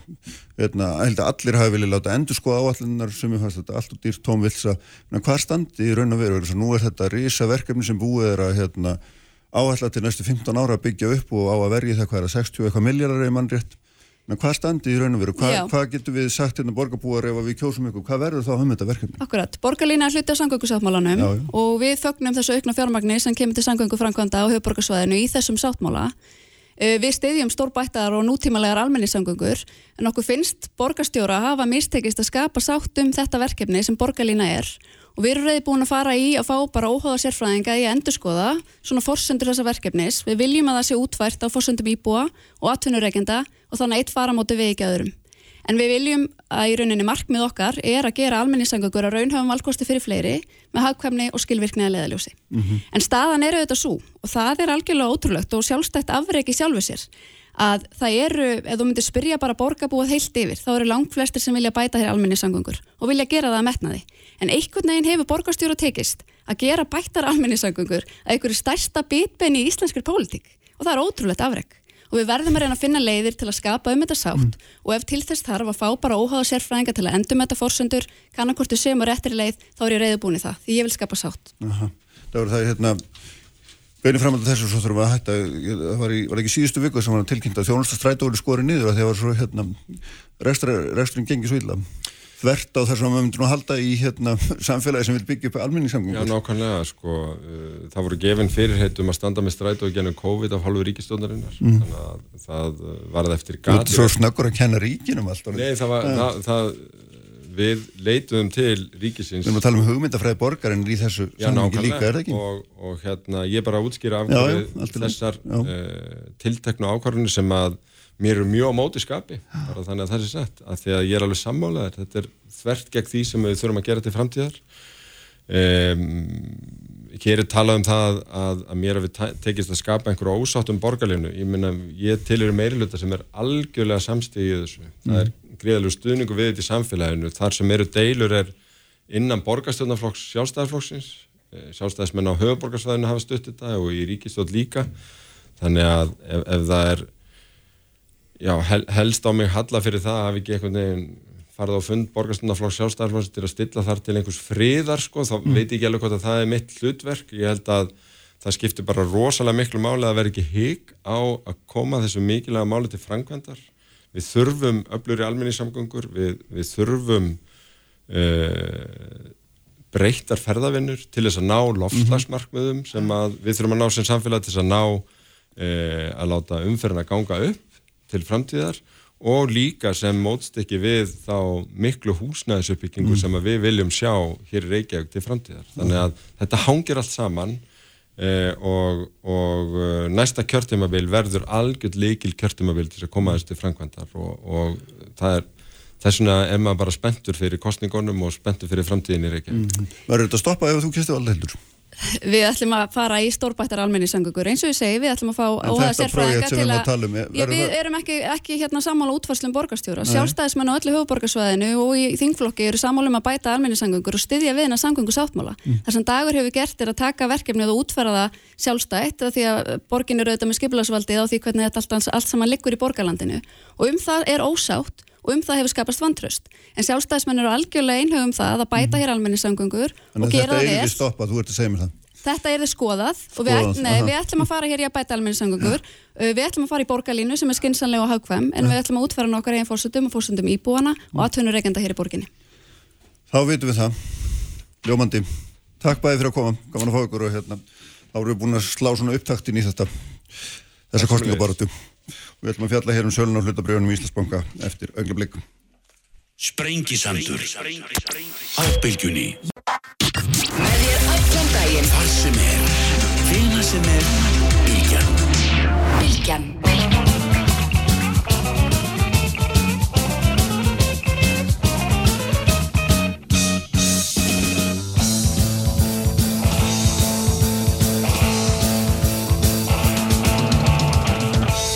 Sælir afturlistendur, þau eru farin frá með Dagar Bjarketsson og Hildur Björnsdóttir uh, til umræðum borgamálin uh, svona upptættur í sveitistunarkostningarnar getum kallaða það uh, við ætlum að ræða núna Íslandsbanka eða sölun á hlutabrjónum Íslandsbanka sem að fór nú nýverið fram og hefur nú vist ekki farið fram hjá nokkuru manni.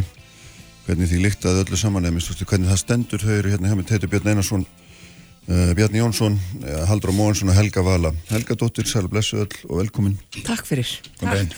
Uh, undir þriði þátturinn í rauða sem ég er að ræða þetta, fyrst var þetta nú frekar saglust, eitthvað svona deilum hugundafræði og aðeins óljóst hverju hefur gert hvað og svo var hérna, svo var hér svona aðeins farið nánari í þetta fyrir viku og þá vorum við farin að kalla þetta ábriðin áframan og sagt að við vitum ekki hvernig niðurstaðan var og við skulum hafa okkur hæg þá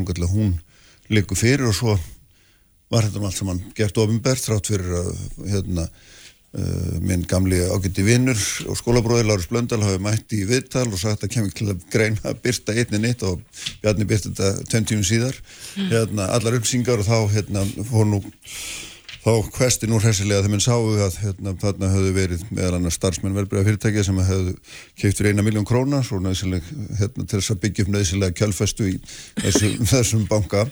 Og hérna margt annað mjög merkilegt og, og hérna nú erum við að þeirri þeim staðar ríkisendunum skoðun er að fara að skoða málið hérna Bjarni þú hefur sagt og sem bara byrja þar að bankasísland þurfu að aldrei þess að skoða sem gang stjórn og fórstjóri að fara og hérna ég sé að Lói Einarsson er ekki hrifin að þessu og segir að þú sért ekki að horfa réttan stað, þú er að horfa á fjálfarráður og þar með ríkistundarsælstarfið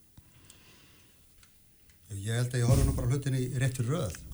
Og, og ég held að við erum byrjað að líta Þannig að það er þá, það er þá næsta eftir. Nei sko, við erum að líta faglega að þetta. Mm. Það var alveg skýrt hvað hvaða alþingi talda þarna þetta að fara fram og hvað menn tölda þetta að fara fram og hvað verkefni var falið bankasýsluna að framkvæma og með við það upplýk sem þau kynntu líka að þau verðist að þá allavega er það ekki skilningur uh, allra að það hefði framkvæmlega verið með þeim hætti. Og það var margærslega spurningar mm -hmm, Þetta er mjög kurtislega orðað. Já, það er það. Og sko eins og til dæmis ég það talaði um að, með stóra fagfjárfesta. Og ég hefði talið að það væri þá aðalega sem var að kaupa fyrir 100 miljónir pluss, allavega umfram 100 miljónir mm. svo byrtist langu listi af af fólki sem er alltaf neyri í miljón og það er ekki byrjum skjálfesti fjárfestar í mínum huga. Hvernig Sex, gerðist, gerðist það? Nú það er aðalega sem var það verkefni að, að eh, sjá um þetta. Þá er ég um bóði bankasýlluna sem að og hvernig er staðaði að ringja það út eða velja þá. Og uh, hérna þannig ég bara vil líka velta fyrir mér eins og íslensk verbreyf og, og, og þessir aðalega sem að, og landsbankið sem voru að sjá um það hvernig var frangandin hjá þessum aðlum og uh, það svo, það var líka, því var líka haldið fram að þarna veri gott verð og það var niðurst að bankarsýllun að þetta veri besta verð sem hættur að fá fyrir hlutina. Það verið með margisöðu sýnt áhuga stórur aðlar að kaupa yfir 100 miljónum og uh, þannig að það voru, voru þá þarna þeirra matómi þeirra ráðgjöfum vissilega sem voru, voru þar á, á bakvið og svo mm. er þetta bara alltaf að fara okkur annan veg og Þannig að það er eðlilegt á þess að sé að vera að koma að söka okkur til því að, að bara, mér finnst bankarsýsla að vera rúin trösti uh -huh. og, og mér finnst það eðlilegt að hún stýði til hliðar, uh mhm. -huh. bara í ljósi þess og, og, og ekki það að það endur er sendilega tröst á öllu saman, það, það er liður í að byggja aftur upp tröst bara á því sem við ætlum okkur, okkur að gera sem var að, að styrkja tiltrú almennins og landsmann á bankakerfinu, á fjármálakerfinu og hérna, og mér finnst það bara að hafa mistikist hörmulega og, og, og eins og ég líka satt að það er, það er algjörlega klárt að það verði ekkert, ekkert eh, sko selt fyrir ekkert Íslandsbanka fyrir náttúrulega kvörlur komandi grafar í, í þessu og, og bara alveg ljóstu við þekkju líka umræðan og vilja almennist til þess að hér sé samfélagsbanki og slíkt þannig þurfum að passa upp á landsbankan og annað mm -hmm. bara hann er jæfnvel aðeins sem að koma þessari sölu sem við áhuga að fá hann næst í sem verkefni sko þannig að, þannig að ekki hefum mikið áhuga því svo ég haldi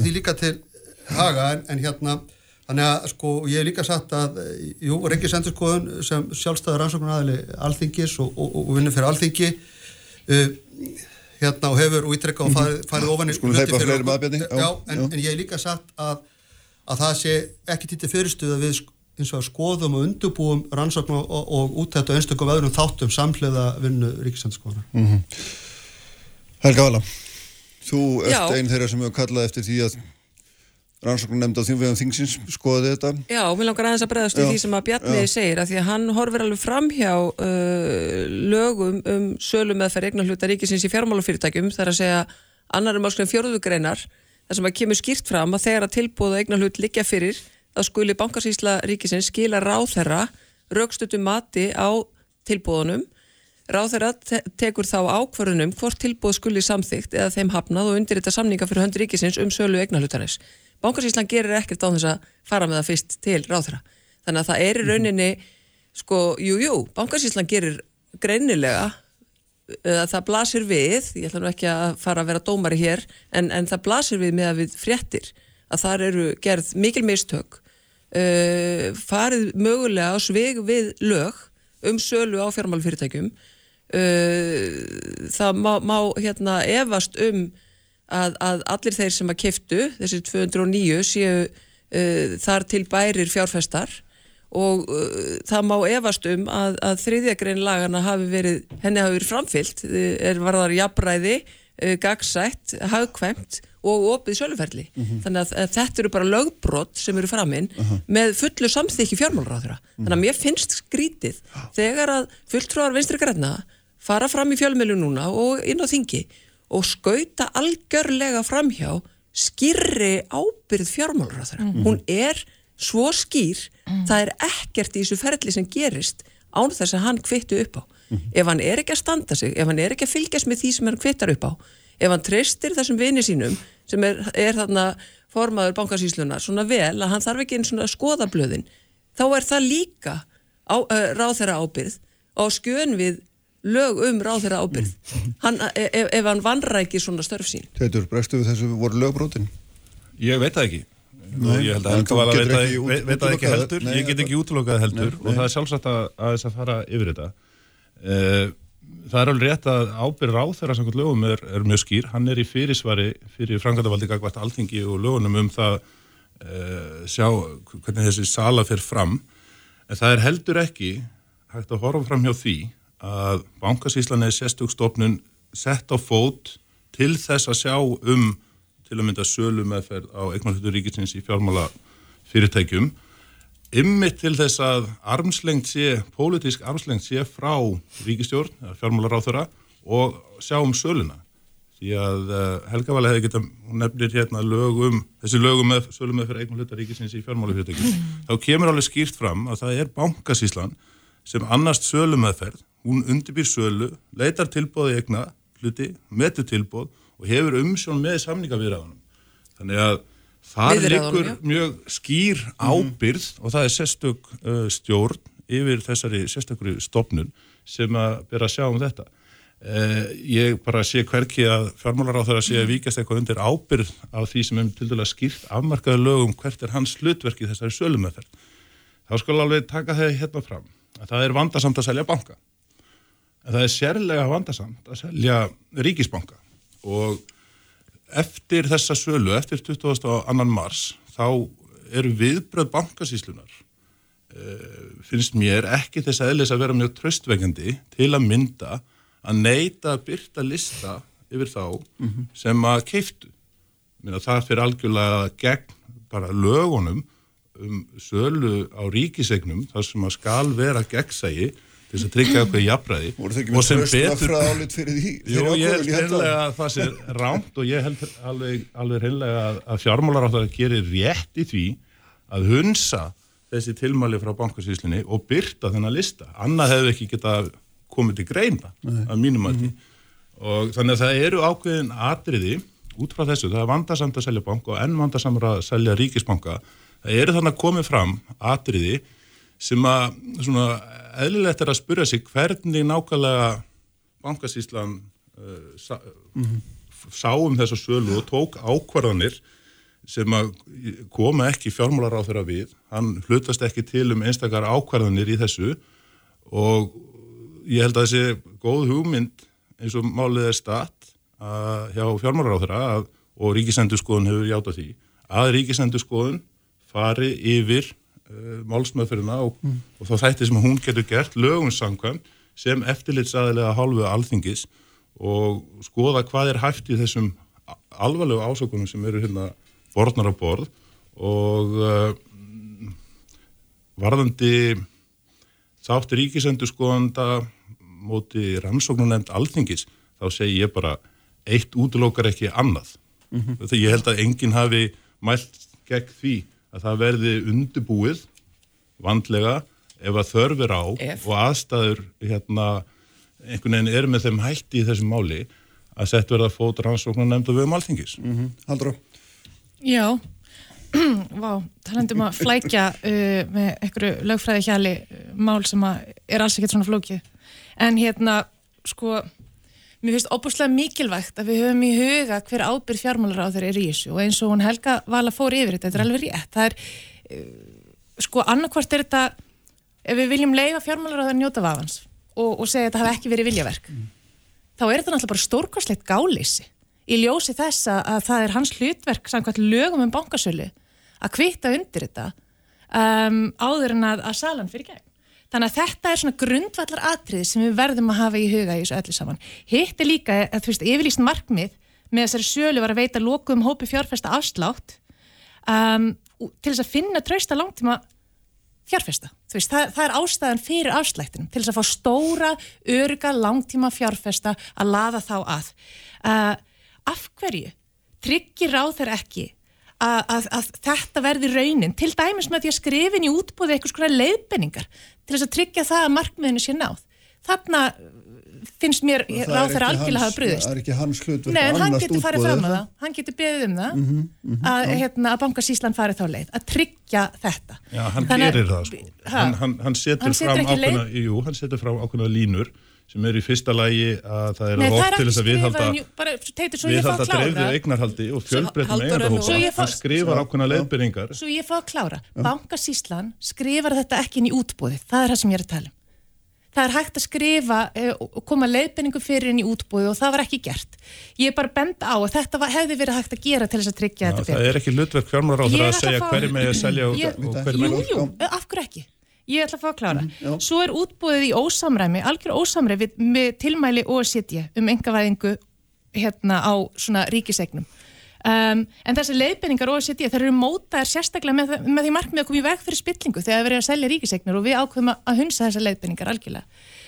Uh, þetta skiptir máli þegar við erum að, að setja þetta í samhengi við hver ber mestu ábyrðinu hérna og ég bara minnst þetta skipta máli út af því ég horfi fram á núna stjórnanlegar í rönnum að koma fram og, og stæra sig á því by the way hvað eru æðislegir að hafa tryggt að þessi listi hafi verið byrtur því það er bara svona auðvitað var listin byrtur það var verið að selja ríkisbanka. Þannig að það er ekki hægt að stæra sig á því. Það er bara sjálfsagt að það hafi verið gert. Að hérna að við höfum það í huga núna þegar við erum að reyna að varpa ábyrðinni á, á bankasísluna einungis og líka bara notabene á þingi sjálft. Það er bara verið að, núna er verið að varpa ábyrðinni einhvern veginn á fjárlega nefnd og þingið og bankasísluna en við höfum alls ekkert að horfa á fjármálar á þeirra sem er náttúrulega sá sem ber ábyrða þessu öllu saman. Mm -hmm. Hérna, hérna, Já, Já fyrir, ég er bara held ég endur takkið síðar hluta spurningur minnir áðan um það hvernig, hvað áhrif þetta, pólitísk áhrif þetta hefur, er þetta bara stormur í varsklasi sko, fyrir að fyrst er ekki, fyrir að fyrst er ekki verið að varpa ábyrðinu engung á bankasísluna eins og verðist það nokkuð augljóst að, að þar hafa hluti færið úrskýðis og þess vegna segi ég að hún ætti að stíga til hliðar. Mm -hmm. og í, það er þetta tröst á bankasíslunni já að það hafi ekki verið sko útvært enn frekar framkvæmdina því henni var tröst fyrir því. Og þá snýst þetta ekki bara um lög og reglur þetta snýst líka bara um viðskipta siðferði. Það er ljótt að það þarf að fara að kalla til sko siðferðarstofnum til þess að að fara yfir svona hluti með okkur líka. Þannig að við lendum ekki á sama stað og, og, og áður og, og við sjáum í eigandahopni jafnvel viðskipta mann ásins 2007 er hérna eigandanum mm. Og hérna, ég ætla ekki að nafngreina hann en, en hann var stótafómaður auks og fekk verðlum fyrir það á þeim tíma sko. Og hérna hversin við aftur komin á þennan stað? Og það bara þjóðum þólur þetta ekki. Og þetta er ekki lirið því að endur þess að trösta á á bankakerfinu. Við erum á þessum stað meðal annars vegna sem þú sittur í ríkistjórn sem er búin að samþykja að gera þetta. Ég held að það sem ekki alveg þannig. Og hérna sko, sko fyrir það fyrsta hérna við erum, að, við erum að tala um það að ríkistjórn fari yfir þetta bara með, með þeim hluturkum mm. og, og, og, og þeir stöðu sem hún hefur. Og að jafnlega setja að fara ofan í, í sko, einstakka þetta ef við kjósa svo og undirbúa þá að þetta er eðlert að að eh, hérna, stjórnskipinu eftirlistendböndin og þegar setjast yfir það hvernig við getum farað undirbúið út þetta á, á einstökum öðrum þáttum. Og svo hefur við líka eftirlistofnur í landinu sem að munir sásall líta yfir þetta til viðbótar. En hérna það skiptir máli að við gerum þetta vel upp og það verða þá eftir aðtökum þetta er eignum til ábyrgir sem á að draða til ábyrgir í þessu. Það er líka, þetta er ekki vera sko, mótsaklekendur og tölum annars öðrum armslengt gagvat sko ríkisfyrirtækjum og, og slíku og hins vegar mm. að pólitísk afskipti. Þannig að það, og þarna var reynd að leggja upp með þetta sem allavega manni, manni skilst með, með faglega nálgun á, á hlutinu og mér finnst að hafa bröðist af þeim sem heldu síðan á verkefnum. Má ég grípa þessu orð? Má ég grípa þessu orð Bjarn og því hann talar um mikilvægis að þess að gera þetta hérna vel upp? Já. og ég get bara algjörlega tekið undir, það skiptir rosalega miklu máli. En nú er verið að tala um það að, að setja þetta ferli í hendur ríkisendurskoðanda. Og við stjórnarhanstöðinu höfum verið að fara fram á það að við rannsökum þetta með bara hérna rannsóttinemnd alþingis sem að er besta verkfærið sem við höfum til þess að fara ofan í saumana á svona bankasölu. Við sáum það með búnaðabankana sínum tíma að ríkisendurskoðandi hafði ekki nægilegar heimildir til þess að velta upp öllum steinum þar og fá fram öll þau gögg sem þurfti sem að, að rannsóttinemnd alþingis gæti svo gert mörgum árum setna út af því að þeir hefðu heimildina til þess. Mm -hmm. uh, það er verið að tala um að það þurfa að flýta sér eitthvað voða mikið að fá niðurstuðið og þess vegna er ríkisendur skoðand að gera þetta frekar heldur en rannsóna nefnd. En það sem mér finnst að vera mikilvægt, ef að, að stjórnarliðum er alvara, ef að ríkistjórnarliðum er alvara, með að fá fram, sko, bara rétta niðurstuðið, að fá fram mm -hmm. þú veist, niðurstuðið sem er að fara að efla raunverulegt tröst. Er tilgangurinn að stöðva viðskiptina? Hver er tilgangurinn? Bara að vita hvað frá fram? Eða, ég minna, auðvitað þurfum við að fá að vita hvort að lögur brotin mm. og, hérna, og hvar ábyrðin á þessu öllu saman liggur, mm. annars getum við ekki haldið áfram að selja bankan og þá viljum við fá, nota það verkværi sem er best til þess fallið að fá fram allar upplýsingar. Og það er rannsóknarnemnd og við sjáum það bara á fortíðinni að ríkisendurskoðandi hefur ekki getað og hefur ekki þær heimildir til þess að sækja þau gögg sem til þarf. -hmm. Helga, Þetta er alveg rétt sem að Halldóra er að segja. Ég ætla að fá að, að taka núna til hérna tvo, tvo vinkla. Uh, annars vegar varandi munin á rannsóknarnemnd alþingis og hins vegar ríkisendurskoðan þá eru uh, valdheimildir þeirra til þess að kalla eftir gögnum og hreinlega sækja fólk í skýslutöku gjör ólíkar það er líka heimil til rannsóknum nefnd alþingis að, að fá inn fólk sem hefur frungaða því að segja frá lögbrótum og, og, og heimila að það, það fell ekki á sig sök eins og kallað er. Uh, það er að segja að ef að þú hefur tekið þátt í einhvers konar lögbróti að þá getur í rauninni verið undan þegin sög með því að hafa frumkvæða því að segja frá því. Þetta hefur ríkisendurskoðun ekki. Ríkisendurskoðun getur ekki látið lögreglu sækja fólki í skýrlutöku. Hann hefur enga heimil til þess. Hann var, hann var, að, hann var að rannsaka um daginn sko hérna innendurstofnun sveitafélaga og, og, og fjekk ekki umbeðin gögn og það gerði það verkum að þetta dróst og dróst og dróst og hann bara endaði því að segja ég fæ ekki þessi gögn sem ég er búin að kalla margsæðins eftir því miður og hvað gerist? Í fyrir þetta var fólk handtekið mm. Þið viti, ef að vilji er til þess að draga þetta vonur viti, þá skulum við endilega láta ennbætti sem ekki hefur nöðsynlegar heimildi til þess að sækja gögn uh, rannsaka allt í lagi. Mm. Uh, þetta er vilji hérna vinstri græna og þó þau segi, já, ef einhver tíma setna kemur eitthvað möguleg ljós að þá eru við kannski til í að fara í rannsóknunemnd þetta er bara ekki fullnægandi.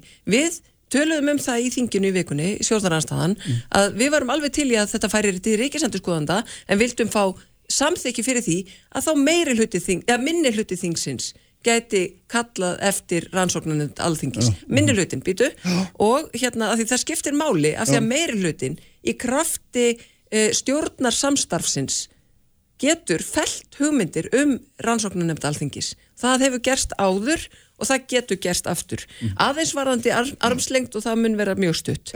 Taland um armslengt ráð þeirra til bankarsýslunar. Það er alveg skýrt í lögunum hver aðkoma ráð þeirra er. Hann á ekki að sitja við borðið og eiga samtal við tilbóðskjafa en hann kemur alltaf að öllum þáttum. Þar er engin armslengt, það er bara því miður ekki rétt. Ráð þeirra ber ábyrð á þessu ferli frá A til Ö, alla leið þó hann seti ekki við samningaborðið og, og, og semji samningana þá þarf hann að kvitta upp á þá alla hann þarf að lesa allan listan hann þarf að fara yfir hvert einasta tilbúð sem kemur og hann þarf að meta þetta hvort að hann sé að fara lögum þegar hann samþykir þetta mm -hmm. hann á að gera það, þetta er hans hlutverk það er engin armslengð þar þetta er fullkomlega skýrt ábyrnir hjá. Já, þetta svaraði þessu svo trúum að taka auðvisingar. Já, ég skal bara afturhönda varandi ábyrð ráþra þá, eins og segi, þetta er alveg skýrt hver ákveður hann byrja ábyrð á. Hann samþykir uh, tillögu frá bankasíslinu um að hefja uh, sölu á, á bankunum með það sem er heimild í fjárlögum.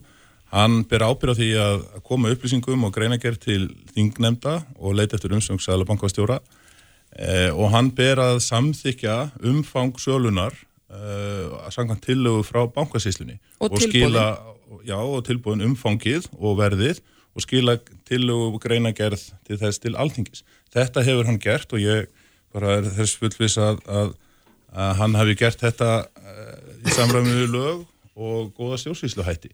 Það eru ákveðin atriði í framkvæmt sölumeðferðarinnar sem að hafa núna komið til svona, komið til tals og ymsar fulleringar um að lög hafi verið broton og þess áttar og það er bara sjálfsagt að skoða það. Að mínum mati held ég að það, það er einhver miskilningur sko þegar mann er að tala um að þarna hefur verið að leita eftir kjölfestu fjárfestum og hvað fagfjárfestir er sem að máttu taka þátt í útbóðinu. Fagfjárfestir, samkvæmt lögum með markaði fyrir fjármálagerninga er bara mjög vel skilgreint hvaða hópur það er og hvaða skilir þið þarf að uppfylla. Mm -hmm. Það verðast verið að þessi 140 eða leita til yfir 200 aðila að þeir hafi þá uppfyllt að skilir. Ef að þarna hafi verið aðilar já, já, lögum, lögum sangvann sem eru eftirlýsskildir aðilar ef að það kemur í ljós að þarna eru aðilar sem ekki uppfylla þessi skiliri mm -hmm. þá myndi ég telja að það vera mjög alvarlegt. Eh, en það er líka verðt að horfa á það sko, hver er niðurstaðan þessi enga fjárfestar innlendir er um 30% af þessu útbóði. 70% eh, eru stórir kjölfestu fjárfestar eins og lífurusjóðir, verbröðsjóðir og aðri stopnana fjárfestingar. Þar af eru 15% af þessum tóku þátt erlendir aðelar. Þetta er í samræmi við upplegið.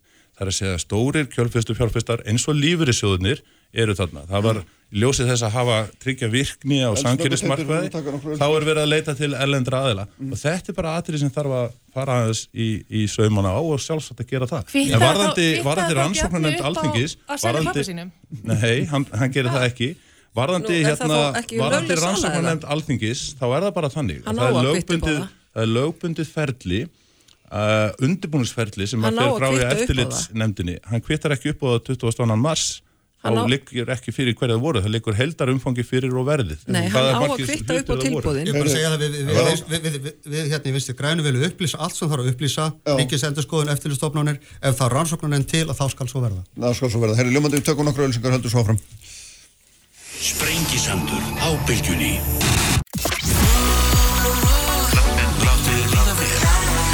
Alltaf björnt og brósandi. Uppspretta frétta á Sprengisandi á bylgjunni.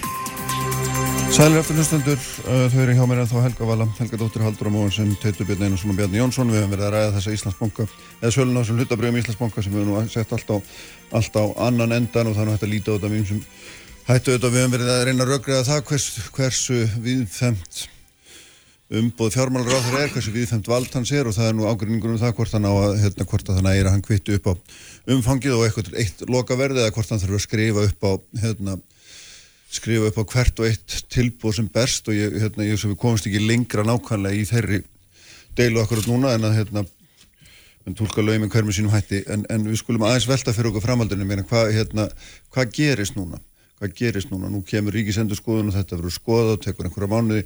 En það er hérna hugsanlega einhver brotarna á lögum eða ég veit það ekki, kannski. Um, hvað gerist? Látum við þetta bara sigla. Nei, ég skal bara svara því, ég held að það sé eðlilegt að hérna, þetta verður örgulega áfram skoðað, eh, þingnemdir til að mynda stjórnskipuna eftirlisnemnd getur byrjað ef að svo, svo stendur á. Það er þetta hefja undirbúning uh, teljum en ástæðu til þess á alþingi að setja fótur ansóknum nefnd alþingis. Mm. það er lögbundið ferli sko, sem að, sem að þarf að fara eftir.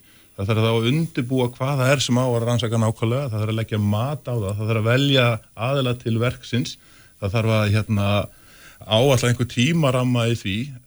Fyrri fordamið með rannsóknunemndir þá bara likur fyrir það mun taka mánuði, vil misseri ef ekki ár, það, það þá bara fer sinn gang. En þetta er allt snýr bara um efnisatrið málsins, það eru upplýsingar að koma fram.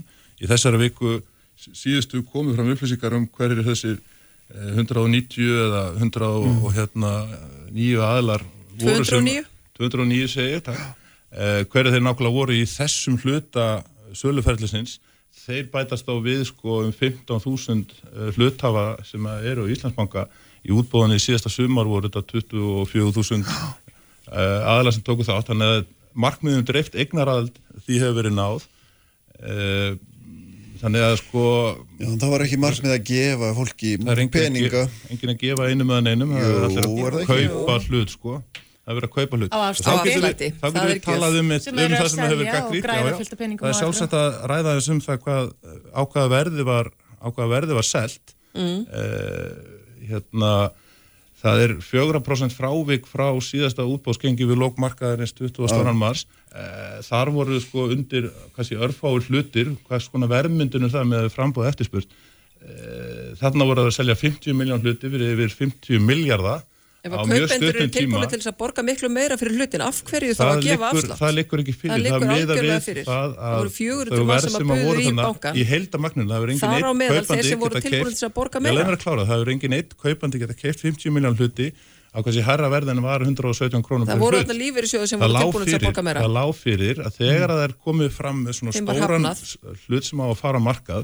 Að hlut Eh, að tryggja það að verði ekki oframbáður hlutum sem við leiðum til þess að verði lækki. Þetta er ekki, þetta er, ekki ágöðningsefni með þessar stóru hlutu og það sem verður að tala um er afsláttur til smarra aðila sem að skipta yngu máli í stóru myndinu um kjálfæstu fjárfæsta hérna, langtíma fjárfesta það má hafa ímsa skoðunar á þessu. fjárfestikasjóður sem hefur áður það má hafa ímsa skoðunar á þessu. en sko. markmið er hérna dreift eignarhald og fjölbreytni og náfram samkeppni á markaði á fjármjöla og það sem gerist með þessa fagfjárfesta það sem gerist með þessa fagfjárfesta að koma þeirra að þessu tilbúði eh, eins og ég skilir það það er þó frekat til þess fallið að hækka verðið. Ef þetta, ef þetta væri engöngu stóri fjárfestar eins og lífeyrissjóðir þá var mjög líklegt að verði væri læra og já. það var engin án, þá sérstök ánaði með það. Mm -hmm. Bjarni Snöggur og já, svo bara, Ég er bara, bara að segja það og sko það skiptir líka máli að meðan þessi útækt fer fram og, og, og það getur komið fram líka bara nýjar upplýsingar á næstu dögum sem kalla þá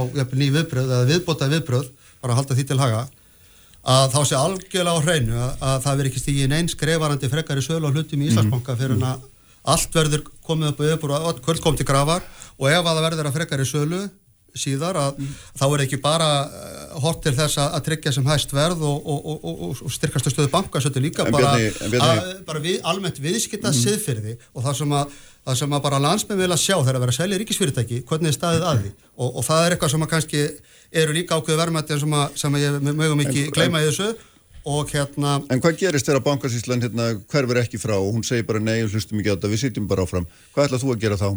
Við skulum bara sjá hver, hver, hvernig þetta tróðast næstu dag. Mér finnst það mikið vera sagt með hvernig þeirra var en en ráðherra björni og hérna við munum uh, fá hérna út þetta á þessu, við munum fá e, vonandi vinnu gegnum hérna stjórnskipinu eftirlistenda að fara að undurbúa vilt, Viltu svara því hver ábyrður ráðherran sér? Við, það kemur í ljós þá freka við, við yfir málsins ef, ef mm. hún er hún er til staðar og þá hvernig ef við varum einstakar þætti á, á framkvæmdina núna erum við að horfa á eins og hér var nefnt hvers vegna við fengum þessi litla aðilar þessa afslætti á hvaða fórsötu að það er alls konar hluti sem maður verðast ekki í lægi mm -hmm. og, og þarf að fara ofan í. Já. og við erum fleira, hérna já. bara í fyrstu skrifunum á þessari úttækt Mér finnst áhugavert að heyra teit tala, ég veldi fyrir mér hvort að þetta sé bara almennt svo skoðun sjálfstæðsflokksins að sé allir bara frekar sáttir við þessa bankasölu þetta hafi bara gengið vel út því mér heyrist það að teiti að hann sé þar en, það ekki brindi skrifa en, en ég kannski, já. býtu ég bara, ég, þetta var já, já, en allavega ég, mér er bara mikilvægt að ef við erum að klára, klára þetta að sko að núna þegar kemur að framhaldinu uh, út af því að það skiptir gífilega miklu máli hvað við gerum og hver eru næstu skref. Og ég hef áhyggjur af því að, að ríkisendur skoðandi hafi ekki verkværin til þess að raunverulega kafa ofan í þetta mál Það kom í ljós við sölu búnaðabankans og þegar ríkisendurskoðandi var spörður út í skýstlu rannsvotnanemdarinnar sem fór og kafaði ofan í það mál á sínum tíma eftir að ríkisendurskoðandi hafi komið tvær skýstlur sem sagði að það hefði verið í lægi með þessa sölu að þá svaraði ríkisendurskoðandi að hann fagnaði að þeirri skýri niðurstöðu sem rannsóknarnemndin kemst að í krafti aðgangsnemdarinnar að tölvupóstum sem síndi fram á mikilvæga baksamninga sem haldið hafi verið leimtum og hann benti sérstaklega þær viðtæku heimildir sem rannsóknarnemndin hafiði til að afla sig gagna. Það sem ég hef ágjörað er núna fyrir ríkisendurskoðandi í sína vinnu, gott og vel. Ef hann hefur ekki all verkfærin og heimildina sem tilþarf, að þá hef ég ágjörað því að skýslan sem komið fram muni ekki gefa meiri hlutanum ástæðu til þess að kalla eftir uh, rannsóknin nefnd alþingis og sko það sem við byggðum meiri hlutanum og báðum um í raunverulega væri það ef að ríkisendurskoðandi ætti að taka bolta núna hvort að meiri hlutan væri til í að tryggja það að í kjölfarið að það geti stjórnar anstæðan eða sérst mm. minni hlutin ja. teki ákveðnum hvort þörf væri á að hérna, setja upp rannsóknar nefnd alþingis og við fengum bara nei þau voru ekki til í það, meiri hluti vil fá að ráða þessu. Mm. og það veldur mér áhyggjum. Og ég spyr hvers vegna, af hverju eru þau svona opasla hrætt við það að minni hlutin setja á fót rannsóndin nefnd alþingis? Já, já uh, af því að uh, Bjarni Jónsson uh, þingmaður vinstri græna situr hér og segir að það sé ekkert því til fyrirstuð að fara í rannsóknunemnd og þau stiði það þrátt fyrir þetta stóra F sem er alltaf uh, í setningunni hjá, hjá sjálfstæðisfloknum framsóknun og lítið að þá eh, vil ég benda eh, Bjarna á það að ef að þau koma með okkur í stjórnarnarstöðunni í þetta eh, í vikunni núna eftir páska að kalla á og samþykja að sett verða stopn rannsónunnemnd alþingis þá erum við með meira hlut á þingi fyrir því. Það eru vinstri græn sem komi veg fyrir það með því að styðja sjálfstæðisflokkin í þeim leiðangri sem að sjálfstæðisflokkurinn er í í þessu Rannsóknarnemndin hefur viðtakari heimildir. Við þurfum líka að spyrja og höfum kallað eftir því, okkar fulltrú í fjárlagarnemnd, hefur kallað eftir því hvaða 400 böðu í mm. af því að það er ekki minna atriði. Hvaða aðilar voru það sem fengu ekki að koma að borðinu? Hverjir eru það sem eru mögulega kjölfestu fjárfestar, fagfjárfestar sem að fengu bara nei við tilbúðu sín í bankan? Hvað böðu þeir? Af því að það er sögur eru líka farnar að berast okkur. Bara mjög sterkir aðilar sem ekki hafa áður gamblað með banka á Íslandi Já, sem ekki eru sérstakir vildarvílar ég er með orðið steitur ég er bara skjótað inn í hérna ég er bara með orðið núna, Já, þú ert búin að fá að tala nú. Hvað, hvaða hérna aðilar hvaða sérstak, sérstak, sérstakir vinnir fjármálar á þeirra eða fjölskyldu meðlimir eru það sem að, sem að hérna, skilur við, þetta fólk eru ekki fjölskyldum meðlum í fjármálar á þeirra Þessi, þetta fólk eru ekki sérstakir vinir Bjarnar Benditssonar í liði. Hvaða fólk er þarna úti sem að fekk bara nei? Það er líka mikilvægt. Ekki maki franganda stjóra þingflóks vafki til dæmis, skiljið þetta, þetta er Þetta er spilling. Það er Kristján, listi í fjármálafyrirtækjum og það er ekki gott. og við erum líka búin að kalla eftir því nákvæmlega, nákvæmlega. Hverjir eru fagfjárfestar? Við erum líka búin að kalla eftir því að sjá var því breytt í aðdraðanda þessara sölu?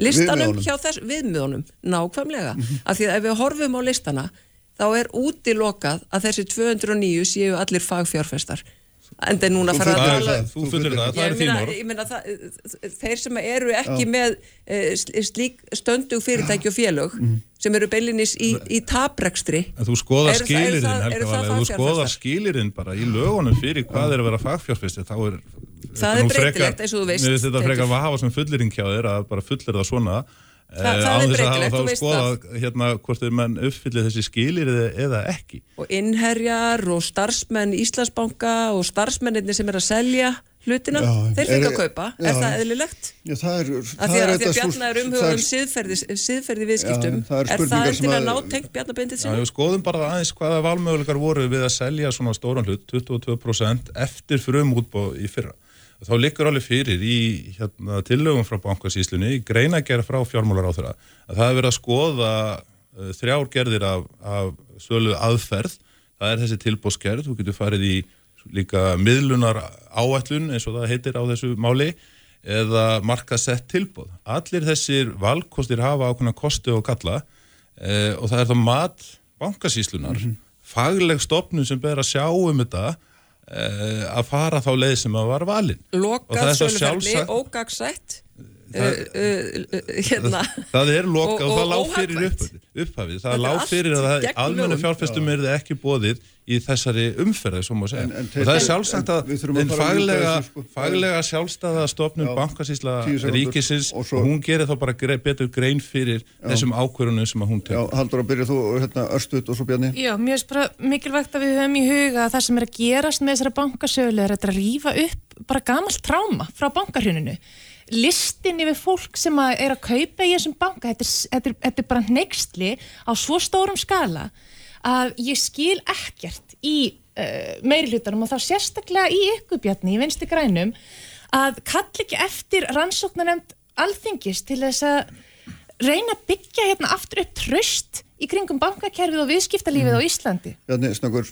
Já, ég, sko, eins og ég sagði, ég, ég tel ekkit óleiklegt að, að það getur komið til þess að það þurfa að fara hérna með rannsóknar nefndi að fylgja hlutum eftir því þessu eða fara strax í ákveðna þætti málsins og, og formar, formar stjórnskipun eftirstendar geti bara strax tekið frumkvæði því að fara að undurbúa það og það er nema, ekki nema að vilja meilít að setja staði og mér heyrist nálega verið að vilja til þess að gera það.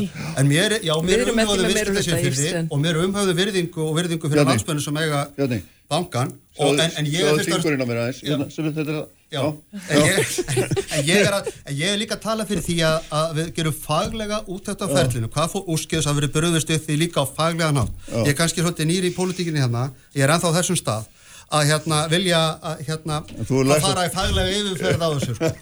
en ekki bara týna okkur í pólitíkinni Já, mandi, já, gott, heyrðu, við komumst ekki lengra Teitur, Bjarni, Haldra og Helga. Takk fyrir að koma fjallöðurum ræður hérna, verðum hérna aftur með ykkur eftir viku. Við varum Davíð Haldursson sem stýrði þetta. Takk honum eins og hann gerir allt, allt, uh, allt efni á vísi.is, bilgja.is og hvar veitna það sem þið finnir hlaðvarp. Er ekki annað eftir að hvaðja, verðið sæl.